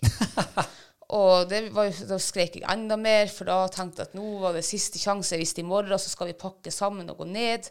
Og så gikk jeg bort der, som hadde sett en skikkelig svær øye dagen før, eh, i dårlige forhold. Den var sikkert tre pluss, altså den var så stor. Sto der, så ingenting. Så hele verden jobba mot deg, egentlig. Sånn følte du det akkurat den Ja, kvelden? hele verden eh, jobber mot meg, og da begynner jeg å bli sånn her eh, Jeg, jo, altså jeg blir jo som en eh, Jeg vet ikke hva jeg skal kalle meg sjøl, men det går i vranglås. Så jeg begynte jo å gå da Jeg brukte jo de to siste timene på kvelden da, å gå att og fram. Jeg bare gikk Jeg tror faen meg gikk 6000 000 skritt. Og jeg fi- fiska jo nesten ikke, eller sånn der. Jeg bare gikk att og fram for å se om jeg fant fisk. Jeg går rett og slett i vranglås. Ja, jeg kommer opp, så får jeg nå tømt meg litt eh, for deg. Og eh, jeg var jo ikke sur, altså selvfølgelig, jeg var jo ikke sur på deg. Eh, det var jo, du hadde jo ikke noen grunn til å være det. Jeg var mest skuffa over meg sjøl. Jeg. jeg følte bare at hele Altså, jeg var ganna, og jeg var mislykka, jeg følte meg udugelig og talentløs. Alt det der kjente på Turen var bortkasta. turen var bortkasta, og du prøvde å minne meg på Ja, da kom du jo opp med Jeg følte det nesten ironisk. Ja, men du klarte jo å få en røye på 800 gram. Og, da, ja, og det ikke noe Det ble ikke noe bedre av det. Uh, Men selv om jeg vet at du mente det godt. Ja. At, det var en, at det liksom skulle vært en uh, prestasjon, da. Men jeg, bare min, jeg må bare nå, sånn, i, siden vi snakker om det, minne Ja. deg om at uh, to dager tidligere så sa du at nå var turen berga. Du jeg fikk en ørret på over to kilo, du runda tokilosgrensa. Mm. og Jeg sa det der og da, og, Ja. det, og jeg mente jo det der og da. Ikke sant? Men så går du et par dager med motbør igjen, Ja. og så er du bare ned, og alt er glemt. Alt det gode som har skjedd, er glemt. Det er glemt, ja. Mm. Og, og det er helt merkelig, for når jeg fikk den der to kilos ørreten, så, tenkte- så da visste jeg at turen er berga. Jeg, liksom, jeg kan ikke kreve noe mer. Jeg har liksom, jeg har lyktes det jeg kom for, og det var å få fisk over to kilo. Og det klarte jeg. Målet nådd. Målet Mm. Check. nådd, ja. ja. Men når det står liksom eh, Min høyre hånd står der og, og bare liksom eh, Kav opp fisk. Ja, da, da gjør det liksom noe med det, da. Da var turen eh, faktisk ikke berga allikevel. Nei. Um, men jeg fikk nå rissa det av meg på kvelden, og Jeg visste jo at eh, det er jo faktisk en, form, en morgen og formiddag i morgen før Ja. vi går ned. Ja. Og, plan, Og det var jo planen også. Vi skulle utnytte utnytte, morgensøkta fram til lunsj, eh, og så skulle vi pakke og gå hjem. Ja. Eh, og uh, ja, du uh, var jo selvfølgelig kjempesøt på kvelden, og du skulle hjelpe meg. og du skulle, Hvis du så fisk, så skulle du rope på meg. Og, men det ville jo, jeg ville jo egentlig ikke at du skulle gjøre det, for da føler jeg meg jo enda mer sånn her hjelpetrengende. Og det er jo ikke det. jeg- ville vil jo finne min egen fisk. Men der og da så anså jeg deg jo egentlig som ikke hjelpetrengende, men pleietrengende. ja. Du trengte litt omsorg fra noen andre. Ja. Mm. Bare for å, å kanskje hjelpe deg over den der mentale kneika du var, hadde ramla over. Ja, så det, ble faktisk egentlig eh, ganske sånn eh, brukbar ut, eller sånn på kvelden rett før vi skulle legge oss. Rett før du sovna, så var du ganske hyggelig å ha med å gjøre. Ja, helt til, eh, helt til jeg hadde lagt meg i posen, og du spør at um, kan jeg få se på de der bildene du tok av meg i dag? Og så begynte jeg å bla. Først den jævla ørreten på tre kilo, prate om den, og så den satans røya på 2,4 kilo. Og da kjente jeg åh, da ble jeg litt Men Nå hater jeg det litt igjen allikevel. Nei, jeg føler meg som en heks når jeg sitter liksom Ja, jeg gjør faktisk det. Og jeg vil jo ikke altså, Du høres ut som en nå når du forteller om det her nå. Ja, jeg vil jo ikke være sånn der. Nei, men jeg vet at fisket der oppe på det vannet der, det får fram det aller beste i meg og det aller verste i meg. Ja. Som er faen ikke Altså, eh, ja. Jeg tror faktisk det bor en tyrann i meg som eh, bli blir eh, frista fram der borte. Men jeg fikk nå sove veldig godt den natta. Jeg sto opp klokka fem. Jeg tenkte at jeg må ha en time før deg, for du hadde klokka di på seks. Jeg tenkte jeg må ha en time før deg, sånn at jeg kan gå dit ned og liksom se de første fiskene. Eh, men det var jo bortkasta tid, for det var jo dårlig lys. Det var masse vind jeg våkna. Jeg så ikke en jævla dritt. Eh, og da kjente jeg, begynte å kikke på klokka. Ok, nå har jeg så og så mange timer igjen, og, jeg jeg kjei på klokka. Og så kom nå du ned, og Du stresser egentlig. Stresser, Du- du stresser, kaver deg opp Også. Jeg kaver meg opp, for jeg vet at nå har jeg bare noen timer å gjøre det på. Og jeg tenkte jeg skal ha jeg, Nå hadde jeg bestemt meg, jeg skal ha en. Altså, det skjer ikke. Jeg går ikke ned herifra før eh, Det gjør jeg ikke. Og du ser noe fisk, og jeg kommer dit. Um, kave, flua Altså, jeg har ikke jeg har ikke vært borti skerrien eller fått krøll på flua eller noe som helst på alle de her dagene før den morgenen der. Bare fast når jeg skulle kaste på en ørret du så. Flua hekta seg rundt snør og knyte og masse knyte, og det var det bare kaos, var det. Og um, ble så stressa, og så fær deler vi oss litt. Jeg hadde jo gått et stykke fra deg, da. Og jeg kikker på deg, og du står nå helt i ro. og Så kikker jeg på deg bare noen minutter etterpå, og der står du faen med bøyd stang. Og da, da kom tårene dine. Da jeg som en jævla Altså, jeg, jeg skjemmes når jeg sitter og forteller om det, men bare tårene rant. Og da kom, da kom heksa i meg, for da tenkte jeg, vet du hva, jeg håper faen du knekker stangene nå. Jeg var så sint. ja, du aner ikke. Jeg var så, jeg var så forbanna på. Jeg var men etter at jeg hadde sagt det, jeg håper du, først håper jeg du mista fisken, og så håper jeg du knakk stanga. Men etter det så klarte jeg liksom bare å ta meg litt sammen og bare trekke det tilbake. Jeg, vil, jeg ønsker jo ikke det. Og hadde det noe skjedd, så hadde jeg jo følt på en sånn skikkelig sånn her skyldfølelse. Eh, og det ville jo ikke. Så jeg trakk det nå fort tilbake, da. Men eh, altså da, Men da eh, Altså, ja, jeg, jeg blir ordløs, gjør jeg. Jeg føler meg så mislykka at du aner det ikke. Og du fikk den fisken, eh, spurte ikke om noe. Jeg passerte vel, jeg vet ikke om jeg gløtta på det. Ikke gratulerte deg. Og, så ja, jeg må bare beklage det, altså. Jeg har aldri, jeg skjem, jeg har aldri vært sånn der før. Nei. Aldri i mitt liv har jeg vært så heksete. Men altså, jeg, jeg trenger jo ikke å spole lenger tilbake enn noen få dager eh, etter dag én Ja. der oppe. Hvor jeg sjøl er altså en møkkamann. ja, Ja. Du er jo det. Vi, Og, og, ja, men ikke sant? Og, og eh, det snakka vi jo om dagen etter, når jeg var oppe og, og hadde det. Alt var strålende vel. Jeg hadde fått et par fine fisker. Og du er muggen, pent sagt. Da, jeg sier jo det til deg. Jeg forstår det veldig. Jeg vet nøyaktig hvordan du har det. Jeg vet nøyaktig hva du føler, for jeg følte på det samme i går. ja. Eh, og det var bortkasta, og alt var feil. Forholdene var galt, det var, fisken var ikke der, fisken var skvetten, de som var der. Og, Får ikke til, er udugelig. Nei. Livet suger. ja. Eh, så jeg, jeg, forstår nøyaktig hvordan du har det, når du forteller om hva det er du føler på. Eh, forskjellen mellom oss er nok kanskje at jeg ønsker ikke at stanga skal knekke, eller at noen skal miste fisken.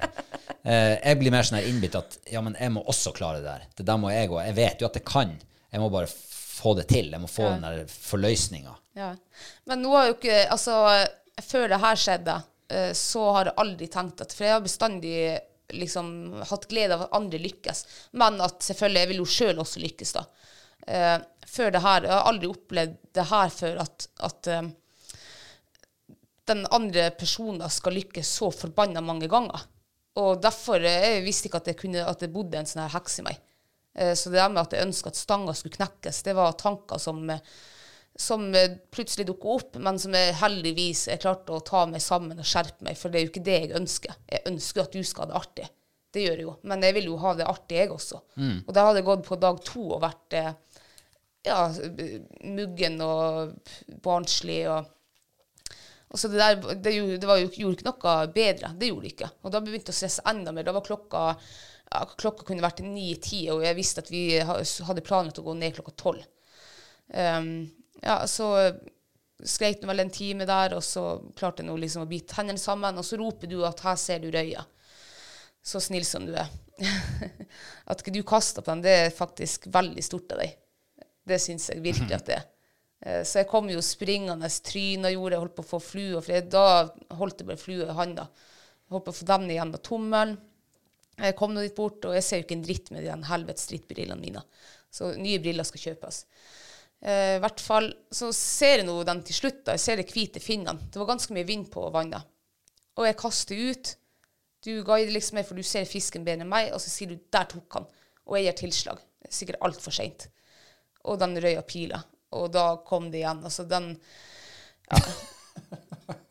Da bare alt raste sammen igjen, da. Eh, Veldig skjørt korthus du hadde ja, jeg vet hva, jeg, jeg, var ganske sånn her eh, psykisk ustabil de her to dagene. Jeg visste at det bodde i meg. Så jeg vet ikke om det er noe genetisk langt bak i linjen, eller et eller annet. Det høres ut som du er avla på.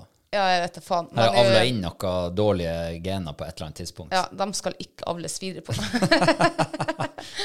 Eh, Men eh, faktisk etter den der røya der, etter jeg fikk liksom Jeg fikk komme opp og drikke litt vann, da kjente jeg bare at Da, nest, da kom jeg egentlig tilbake til meg sjøl sånn som jeg egentlig er.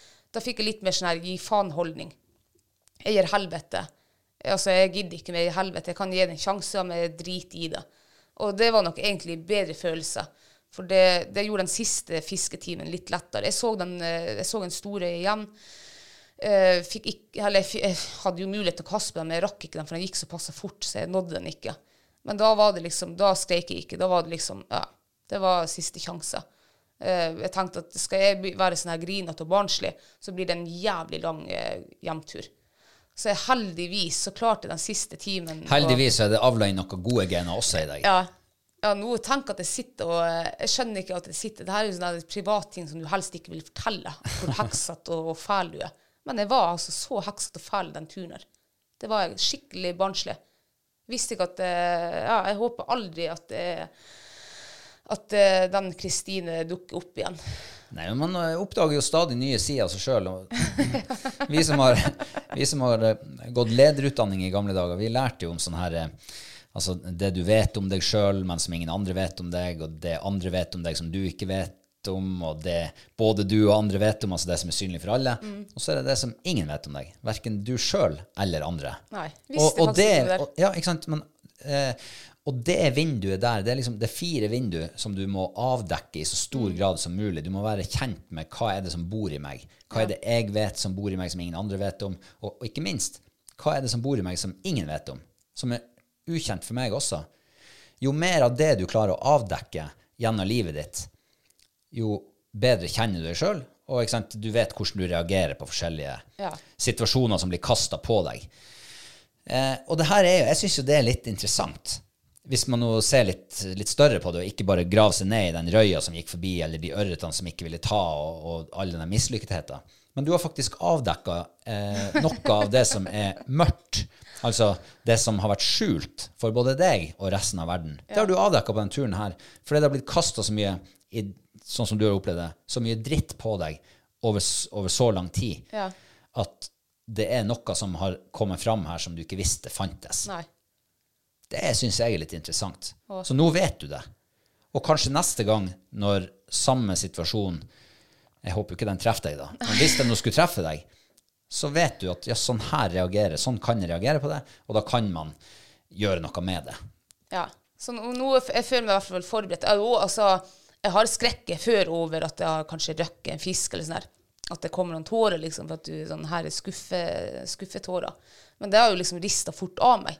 Men det her hang liksom over eh, ja, fra kvelden før og til dagen etterpå. Mm. så nå er, men når nå det er sagt, nå, har det jo, altså nå er det rista bort. Jeg syns egentlig det var en veldig fin tur. Trodde det ikke det at det skulle være det i går eller i overgår, men en veldig fin tur som vi ikke ville ha vært foruten. Og så synes jeg, jeg, altså jeg er så glad på dine vegne at du har liksom fått opplevd eh, så rått fiske. Det er jeg. Eh, ja, og vi satt jo eh, spøkte litt med eller jeg prøvde å spøke litt med det eh, en kveld der. Og tenk nå på det at eh, om et år så tenker du tilbake på den turen her, for en drittur det var.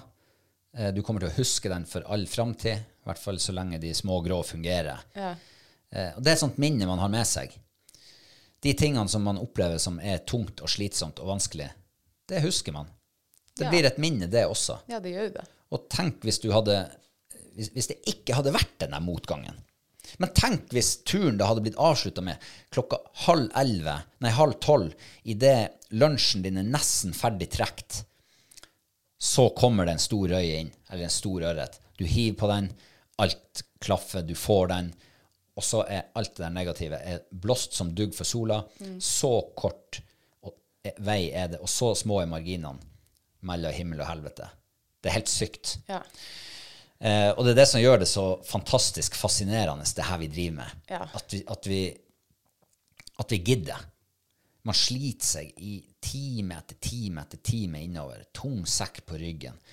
Varmt, kaldt, regn, sol. Du står, speider, venter, kaster, mislykkes. Altså, det skal så lite til for å snu hele situasjonen. Mm. Ja, det skal hele minnet. Ikke sant? Det helt sant. Minnet hadde vært en helt annen hvis du hadde fått en fisk helt på tampen. Mm. Eh, så ja, det, det er det som er så fascinerende. Mm. Og det er det som er kanskje den der indre drivkrafta. Du vet at du kommer ikke til å lykkes hver gang, men du vil det så gjerne. Og når du ikke lykkes, så er du liksom fort ned i kjelleren. Ja. Og så er du like fort igjen oppe og, og smile igjen når, når man plutselig lykkes. Men det er faktisk litt altså Det er jo, eh, det er jo fint å kjenne på de her følelsene. Ikke akkurat der at jeg hadde jeg tanke om at du skulle knekke stang og sånn der. Og at det var sånn eh, barnslig. Eh, men det er jo deilig å kjenne på at det faktisk ja, det gjør noe med deg, det her. Det er som du sier, at du kan være langt ned i kjelleren, men hvis det, når du lykkes, eh, så blir altså det smaker så mye bedre enn at det bare skulle være å gå dit opp og så bare stampe inn fisk hele tida. Da vet du ikke om jeg hadde giddet å dreve på med det, for da hadde det blitt for enkelt. Det hadde Så- blitt Ja. Ja. Nei, det, så det, det er jo det som gir mest, det mestringsfølelse, og det der som jeg er ute etter. Um, ja, og det får du ikke av hvis det skal være så jævlig enkelt. Så jeg har valgt nå å fokusere på eh, hele turen, for det er veldig fint å være oppe. Det er tror jeg, en av mine favorittplasser eh, blitt. Og også den ørreten som jeg klarte å lure, som jeg faktisk jakta på eh, hele første dagen. Og så lyktes jeg andre dagen. Så det, var, det skal jeg fokusere på. Det syns jeg var faktisk eh, veldig artig. Ja, det er så godt å høre, og, og at du er liksom at du, at du kom det så fort opp igjen. Ja. Det ante meg vel innerst inne at eh, du trenger egentlig bare å få det litt på avstand, bare få prata litt gjennom det. Jeg må få lov å skryte litt til deg over mine prestasjoner. Vennskapelig eh, mobbing. Ja. og så en god natts søvn i egen seng, og så når du våkner opp igjen i dag, så er alt i orden. Ja. Ja. Eh, og sånn skal det kanskje være også. Ja, du, eh, du torde jo faktisk å ta en liten spøk der når jeg var på mm, ja, nesten det verste. Eh, om at jeg kan jo ta garn opp neste gang. Og da husker jeg sånn Jeg får faen ikke fiske i garn heller! Uff, herregud. Ja. Ja, Men eh, har du lært noe, sånn bortsett fra at de følelsene du eh, du ikke visste at du hadde.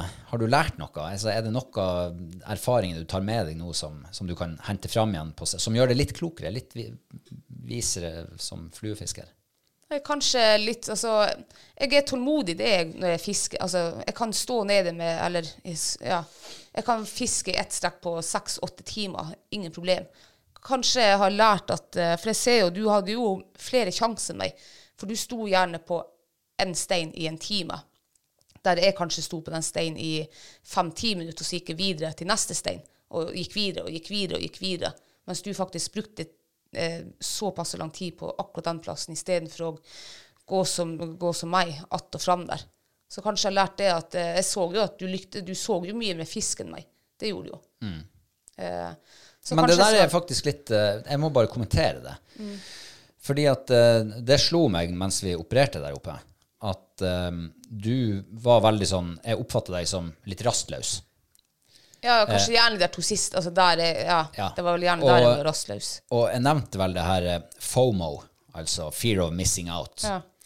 Du er redd for at det skal være en fisk på den steinen ett hakk lenger bort, eller to hakk lenger bort, eller tre hakk lenger bort, når du står på en annen plass. Så derfor så må du, du må liksom ha en viss kontroll med alle fiskeplassene. Ja. Ja? Du, må ha en, du må ha en viss kontroll med hele strekket, som er ganske langt. Det er umulig å ha kontroll over hele det strekket. For fiskene beveger så mye på seg at um, det kan faktisk, hvis man setter veldig på spissen, så kan det være sånn at når du står på den ene steinen, så er fisken på den neste. Men når du kommer dit, så er den på den nesten Den forflytter seg foran Ja, hele tida. Og så snur fisken. Og ørreten er jo sånn territoriell av seg. ja. Og så snur Så hvis du hadde bare Ja, ikke sant, så snur du, og så er dere litt så Dere er- synkron i snuinga Ja, jeg tror faktisk det er det som har skjedd de siste dagene. For jeg så veldig lite fisk Ja. og når det begynte sånn der. Og derfor så bruker jeg mye mer tid på å stå i ro. Eh, bruk god tid på å observere. Og det er jo sånn at særlig når det begynner å bli litt, litt sånn vindgrå Det trenger ikke å være mer enn bare sånn litt rifling på vannet. Så som vi snakket om i sted, fisken forsvinner og dukker opp og forsvinner og dukker opp. I alt avhengig av bølgene og akkurat hvordan lyset treffer akkurat der og da. Så det å stå i ro på en plass, eh, gjøre deg kjent med hvor er alle de steinene foran meg her? Hva er den der svarte flekken på bunnen der? Hva er det? Er det en fisk? Nei, det er ikke en fisk. Nei, ok, det er litt fargeforskjell. Der ligger en kvist, der er en svart stein, der er en hvit stein, der ute er det et sånt felt, der er det sånn. Og når du da har stått der, plutselig så ser du noe. Hæ? Det der har ikke jeg sett. Hva er det der? Så i stedet for å drive og stå og så speide sånn her fram og tilbake og sondere terrenget, så kan du liksom fokusere på det du ser der som Hm, har jeg lagt merke til det der før? Og så jo mer du ser på det, så bare Ja, der blinka det f.eks. i en hvit finn, eller der blinka det i en rød ørretbuk, eller et eller annet sånt. Da ser du fisk. Og jeg har trua på det. Bruk mer tid på kortere distanse, altså kortere fiskestrekk. Gjør deg kjent med bunnen. Særlig, altså det her er jo en litt spesiell form for fiske. Ja, det er jo det er jo ikke blindfiske. Veldig lite. Nei. Eh, fordi at når du har gode lysforhold, så veldig ofte så ser du lenger ut enn det du klarer å kaste.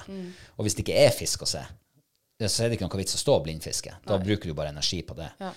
Så bruk, vi bruker, i hvert fall jeg bruker mye mer energi på å stå i ro. Jeg kan stå fem timer eh, nesten på samme stein. Flytte meg kanskje 50 meter til side, så kan jeg ta noen som avstikkere hit og dit. Men jeg har trua på at uh, man ser mer fisk, da. Og du får flere fiske, altså kastesjanser. Ja. Men nå, hadde jo, nå har det jo eh, Sånn som første dagen, så lyktes jo jeg, og det, det ligger sikkert bak i hodet også, at det her har jeg lyktes med. Jeg lyktes med å gå att og fram, og, og, og nest, stort sett hver runde tok, så så jeg minimum én ørret helt inn med land. Og det gjorde jeg hele tida når jeg gikk att og fram der. Og som jeg eh, ofte fikk liksom mulighet til å kaste på. Og det samme gjorde jeg i fjor og året før, så jeg tror det ligger, eh, ligger liksom i hodet. Så når jeg føler at det bøtter litt mot, så Men nå Jeg sprang jo nesten att og fram, så da Ja. Ja. Um, og så har du også, har også reflektert litt over eh, fargevalg på uh, fiskebrillene. Ehm, for du har litt sånn rødskjær i dine briller, og jeg har ikke rødskjær. Jeg har grå, grå farge på mine glass. Um, og det virker som at uh, de grå glassene er bedre uh, over et større spekter av lys Ja. enn de røde. De røde virker veldig gode når det er sol, veldig godt lys. Da er det akkurat som de forsterker fargene, i hvert fall i ørreten. Dagslys er de egentlig veldig fine, ja. Men når det kommer sånn ettermid ettermiddagssola, og, og hvis det blir litt vind, og, eller det blir veldig overskyet og litt sånn mørkt, da er de helt ræva. Så det, det gjorde ikke heller eh, liksom, min fiskeopplevelse bedre. Nei. Nei. Nei, eh, så det tror jeg jo òg Det sa jeg vel til deg underveis her, at eh, når vi kommer hjem, nå skal du kjøpe deg nye briller. Ja. Eh, Du skal ha deg noe med gråfarge i. Ja. For det virker som de er mye bedre eh, be- Bedre allround-briller enn Mm. de med røtter. Jeg tror nok de røde er gode på spesielle lysforhold. Ja. Eh, akkurat hva Det nevnte jo det her med sol, og, og det, kanskje de da kan forsterke litt. Men da ser du uansett når du har gode lysforhold. Ja. Så det du må ha, er briller som eh, tar større spekter av. Hvis du ikke gidder å bære med deg masse, ja, Ja. Mm. hvis du ikke gidder å bære med deg masse forskjellige briller. Eh, og det er jo litt slitsomt, det. Ja. Du skal ha plass til alt. Um, ja. Ja. Er det noe annet du har lært? Nei. Nei. Nei, men et par ting. Det er, All visdom er god visdom, tenker jeg. Ja, altså ja. har lært at liksom, men det kan jo egentlig også, bare, jeg fikk bare en veldig glipp der, og det skulle ta meg 32 år for å få en sånn glipp. Så, for jeg skulle si egentlig at jeg har lært å sette pris liksom på, altså på de tingene, men det gjør jo egentlig, uh, ja, så det, har, det kunne jeg jo. Ja, nei, jeg har ikke lært så særlig mye mer. Jeg har lært en ting, ja. Det å gå gjennom sjekklista som vi liksom hele tida sier. Gå gjennom sjekklista før du drar på tur, for Ja. vi glemte noen saker når Ja. vi gikk innover. Det er sant. Ja. For du fikk jo et par fine steikfisker, altså matfisk, Ja. sånn litt under kiloet. Det hadde vært perfekt å svi i panna. Ja. Men uh, vi, vi glemte jo salt, pepper og smør. Ja. Vi hadde kjøpt uh, pose med denne her eh, pannekakerøra. Uh, Og når vi kommer på dag tre og skal spise lunsj, og bare oppdaga at nei, hvor er smøret? tenker det går an, og der står det på, på lista vår. Vi hadde ikke trykt den ut heller. Det er altså så eh, det, det er sånn her brain damage. Ja, jeg vet ikke hva det var for noe. Det har vært en ordentlig kortslutning. Ja. Så, eh, ja. så det ble ikke eh, spist fisk på den turen. Jeg tror faktisk det er den første turen vi ikke har eh, spist fiskelunsj. Ja, Herregud. det er helt utrolig. Ja, det, så det var faktisk litt nedtur, det. Ja, det var det. Ja. Um, vil bare, det var det jeg må bare si uh, når det gjelder det her FOMO-en. Eh, din FOMO var jo, er jo fear of missing out på noe som skjer en eller annen plass enn der du er. Ja. Min FOMO er helt motsatt. For når jeg har stått der og liksom blitt kjent med min spot, så er jeg så redd for å gå derifra. At For når det da, ja, ikke sant? Hvis jeg har stått der i 40-50-60 minutter, Mm. og så finner ut at nei, nå skal jeg gå og bare sjekke en annen plass, så er jeg livredd for at kommer det en fisk innom nå, mens jeg er borte? Det er det jeg ikke vil gå glipp av. Og jo lenger du står, jo nærmere kommer du jo det punktet at det faktisk kommer en fisk inn. Ja. Så det er min FOMO. Derfor står jeg så mye. I tillegg til det jeg sa i sted. Nei, jeg må eh, ta på oppsummeringshatten. Og nå skal jeg snakke kun for meg sjøl. Ja. Det her har vært tidenes fisketur for min del. Det har vært tidenes fisketur. Helt sprøtt. Fem fisk, samtlige over to kilo. ja, takk. Det er helt sykt. Det er rått. Jeg har fått to fisk over tre kilo. Jeg har fått min nest Nei, jeg har fått min tredje største røye gjennom tidene. Ja. Har jeg fått på denne turen. Jeg har fått to av mine største, altså to tre ørreter Ja. i mitt liv. Ja, det er helt sykt. Det Ja, det er helt sykt. Ja. Eh, så altså Ja, tung start. Eh, det er vel liksom bare lite Men det er glemt. det, det er glemt. Ja, det er glemt. Nei, det har vært en utrolig fin tur. Eh, virkelig. Og jeg elsker å være der. Det er så fint. Det er så fredelig. Ja, det er det. Ja. Nei, Altså, det, er det så liksom så villmark og langt borti fra Mm. Eh, omverdenen du, du kommer deg, liksom? sosiale mediers kjas og mas. Ja. Nyhetsvarslinger fra øst og vest, og Ja. Mm. alt som foregår rundt deg. Du glemmer alt. Glemmer hele verden rundt deg. Jeg har ikke skjenkt eh, verden en tanke mens jeg har vært der. Nei, ikke heller. Jeg har kun sugd inn alt vi har sett, lukta, hørt og opplevd. Men det, altså, min oppsummering er jo ikke at det her er den råeste fisketuren min, det er det jo ikke. Men veldig fin tur. Eh, jeg har, har fått skikkelig sånn her eh, eh, altså, Hva det heter Herregud, mister jo ord også. Ikke comeback, men Revansjeløst. revansjeløst. Ja. Ja, jeg Eh, elsker så- den følelsen. Ja, så jeg tenker faktisk, selv om det her er en jævlig tøff tur, og det er en tur vi gjør en gang i året, så kjenner jeg på det at faen også jeg har lyst til å fære litt opp igjen før isen legger seg. Ja. For jeg skal, jeg vet at jeg kan gjøre det bedre. Jeg bare vet det. Nå elsker jeg deg. Så dit skal jeg igjen. Og, men jeg er veldig glad for den turen. eh, Og, og det er som du sier, kanskje Ja, man skal ikke lykkes hver gang. Denne, denne gangen var det din tur å lykkes. Eh, kanskje min tur neste gang. Eh, og, og da smaker det jo sikkert enda bedre. Tenk den følelsen, Ja. hvis du virkelig tar revansj neste gang. Åh, nå bare lengter jeg enda mer til det vannet der. Nå skal jeg tilbake. Kanskje det blir en tur til i år. Eh, det er faktisk fare for det, ja. Og jeg tror ikke, hvis jeg går inn dit, så tror jeg ikke jeg går inn alene. Da tror jeg du blir med. Det tror jeg også. Ja, vi skal jo innom den faste spalta Ukas mathøydepunkt. Ja. Nå, har vi, nå har du fått letta ditt hjerte. Eh, skuldrene er på plass igjen. Eh, trua på egne ferdigheter er der. Ja. Alt som før. Alt er som før. Eh, og eh, det eneste som kanskje ikke er som før, aner jeg meg, det er ukas mathøydepunkt. Eh, nei. Nei, det er som før, eller nei, det er ikke som nei, før. det er ikke som før. Nei, det er ikke som før, nei. det, nå har det blitt veldig mye um, ja, jeg vet ikke om jeg skal kalle det for mat engang. Det har vært mye på sånn her bilmat eh, og, og fjellmat. Altså heller ikke fjellmat. Vi glemte jo smør og alt. Vi hadde vel en fiskesuppe i begynnelsen av forrige uke, men den husker jeg ikke noe av. Nei, den husker jeg heller. Nei, men eh, hva er ukas mathøydepunkt for deg? Ukas mathøydepunkt for meg, det er den første lunsjen der oppe. Eh, det var eh, kyllingsuppe fra Drytech. Jeg Ah, elsker det. Oh. Det er en av mine favoritter. Buh, jeg kjenner det vokser i kjeften. Nei, vet du hva, kyllingsuppe er altså så utrolig god. Jeg tror faktisk ikke vi kunne lagd den bedre sjøl. Nei, det tror ikke jeg heller. Nei. Så den er fantastisk god. av. Jeg spiste det til lunsj alle dagene der oppe. Ja. Uh, smakte like godt hver, hver dag. Hvem hadde trodd det for en ukes tid siden, at eh, ukas mathøydepunkt skulle bli eh, real turmat? Ja. Det, det, det, ja. Da har det enten vært stått dårlig til med mm, husken fra de dagene før altså, vi gikk. ja, på, på en måte så syns jeg egentlig ikke Real Turmat er så dritt. Um, det er jo veldig enkelt. Altså, og så er det kun Det er nesten sånn Jeg føler nesten Jeg vrir det litt om meg. Jeg føler nesten det er eksklusivt, for at du spiser så sjeldent. Ja. Det er når du er på de her lange turene at du skal ha lett uh, vekt med deg inn. Uh, så jeg syns jeg, jeg liker det faktisk veldig godt på tur. Ja.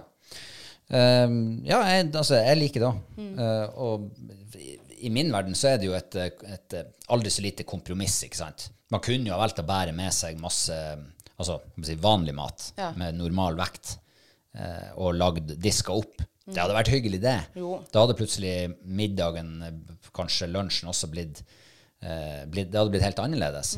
Men eh, når du skal gjøre kompromiss på vekt, eh, nutrition og smak, så syns jeg realiteten at det er knall. Um, og mitt uh, mathøydepunkt er også Real Turmat. Oh. Ja. Eh, det eneste er, og, og grunnen til, og nå skal jeg bare si bakgrunnen for det her, det er fordi at eh, i alle år så har jeg kokt vann, uh, laga en eller annen frokostblanding fra Real Turmat, uh, og så er jeg jo ikke så veldig glad i havregryn. Det er mye havregryn i det. Men da blir det litt, sånn, litt for havregrøtete over tid, Ja. for min del. Så det jeg fant ut nå, er at eh, jeg skal ikke koke varm frokost. Jeg skal ete den kald. Å, du verden for en opptur det var. Vet du hva, det var så godt. ja, var det helt annerledes? Ja, du får jo ikke den her eh, den grøt... grøte... Nei, for det svelger ikke inn. Det Nei. blir ikke en grøt. Det bare bløytes opp akkurat nok til at du kan ete det. Og det var plutselig nesten som å ete frokostblanding som du gjør hjemme. Ja. For der varmer du, i hvert fall ikke jeg. Varme, jeg koker aldri havregrøt til frokost. Nei. Men det her var, det var skikkelig opptur. Og jeg kan også si at den siste frokosten jeg spiste, det var en Real Turmat frokostblanding, den originale frokostblandinga fra 2014. Det var ikke det utløpsdato 2014? Eh, Det var vel utløpsdato 2019. Ja, OK. Jeg tror det var 2014 du Så sa. tre år på overtid. Ingen problem. Nei, herregud, det Akkurat er jo tettpakka. Tettpakka og knallbra. Nei, det der var, det var skikkelig det var, Så jeg hadde ukas mathøydepunkt hver morgen Ja. på den turen her. Jeg hadde også det hver lunsj.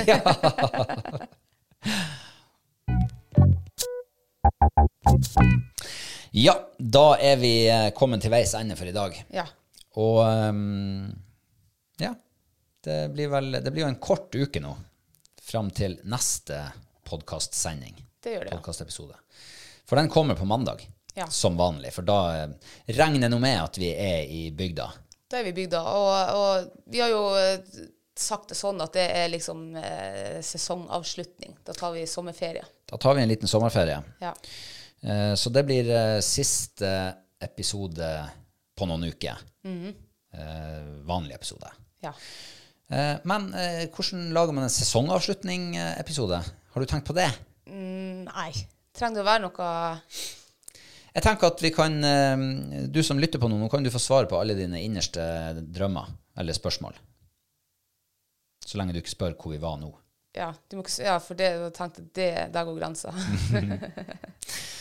Eh, Men vi, eh, vi rydder plass i schedulen til noen spørsmål og svar. Ja. Skal vi ikke gjøre det? ja, det kan vi. Ha en sånn Q&A. Ja. Eller om ikke Q&A, ja, Q&A og sånne kommentarer. Kanskje noen har noen eh, kommentarer. Som de, jeg vet ikke. Ja, kanskje. Send inn det du måtte ha på hjertet. Spørsmål, svar, what not. Så skal vi ta det. Um, og så trekker vi ut til blant alle dere som sender inn et eller annet. Så sender vi ut en turkopp til to av dere. Ja. Den eksklusive Hall og knall-koppen. Ja. Den, den er faktisk uh, veldig ettertrakta, virker det som. Så med det sagt så skal vi um, ut og fyre på grillen. For det er varmt ute. Skal du ta buksa på deg, eller skal du gå bare i trusa? Nei, da tar jeg buksa på. Det er altså Det er så mye klegg Vet du hva? Ja, dæven, det var klaggknakking i, i går når vi våkna. Klaggklakking. Ja, ikke knakking. Klakking. Mm. Det var knakking òg. ja, det var mye KL der, så jeg måtte Men Når vi kom hjem i går kveld, vet du hva, den klagglyden den forsvant ikke før jeg sto opp i morges. Å ja, den gjør ikke det, nei. Nei, det var altså det, Jeg hørte klegg overalt, og jeg er blitt så bitten av klegg at har, nå er jeg faen meg livredd klegg igjen. Nå er du snart ikke i slekt med deg sjøl mer. Nei, jeg er helt stressa nå, bare jeg hører lyden. Ja. Ja. Um, ja, men eh, hva det var med kleggen? Det var plagsomt, var det det som var Nei, det var så at jeg skal ha bukse på meg på verandaen. Ja, buksa. Ja. Det var du som lurte på Ja. det. Det var mitt spørsmål, og jeg fikk svar på det. Og neste mandag så er det dine spørsmål, og det, da får du svar på det. Det var poenget i det siste to minutters praten. Eh, så da skal jeg eh, ut og fyre på grillen, og du skal gjøre klar grillmaten. Ja. Og så får vi middagsgjester, og så skal jeg på havet og fiske storskei etterpå. Yes. Og fram til neste mandag, takk for at du har hørt på. Du vet hvor du finner oss. Hall og knall på sosiale medier. Und so weiter. yes. Ha en fin uke. Ha det bra. Ha det.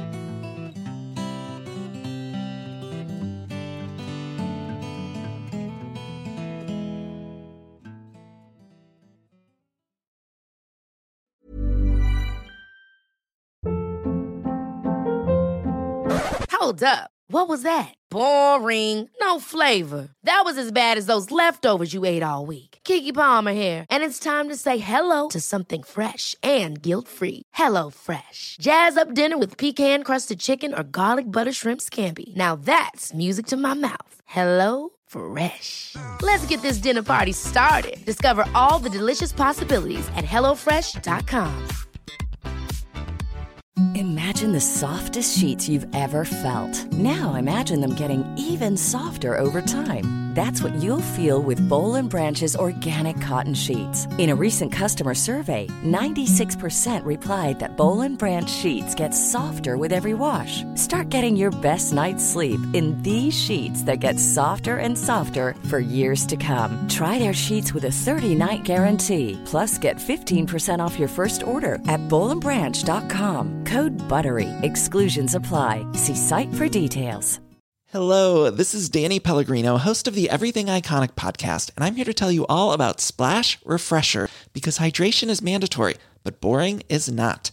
Now, I love my water, but if I don't spice it up, I'm not going to finish what I took out of the fridge.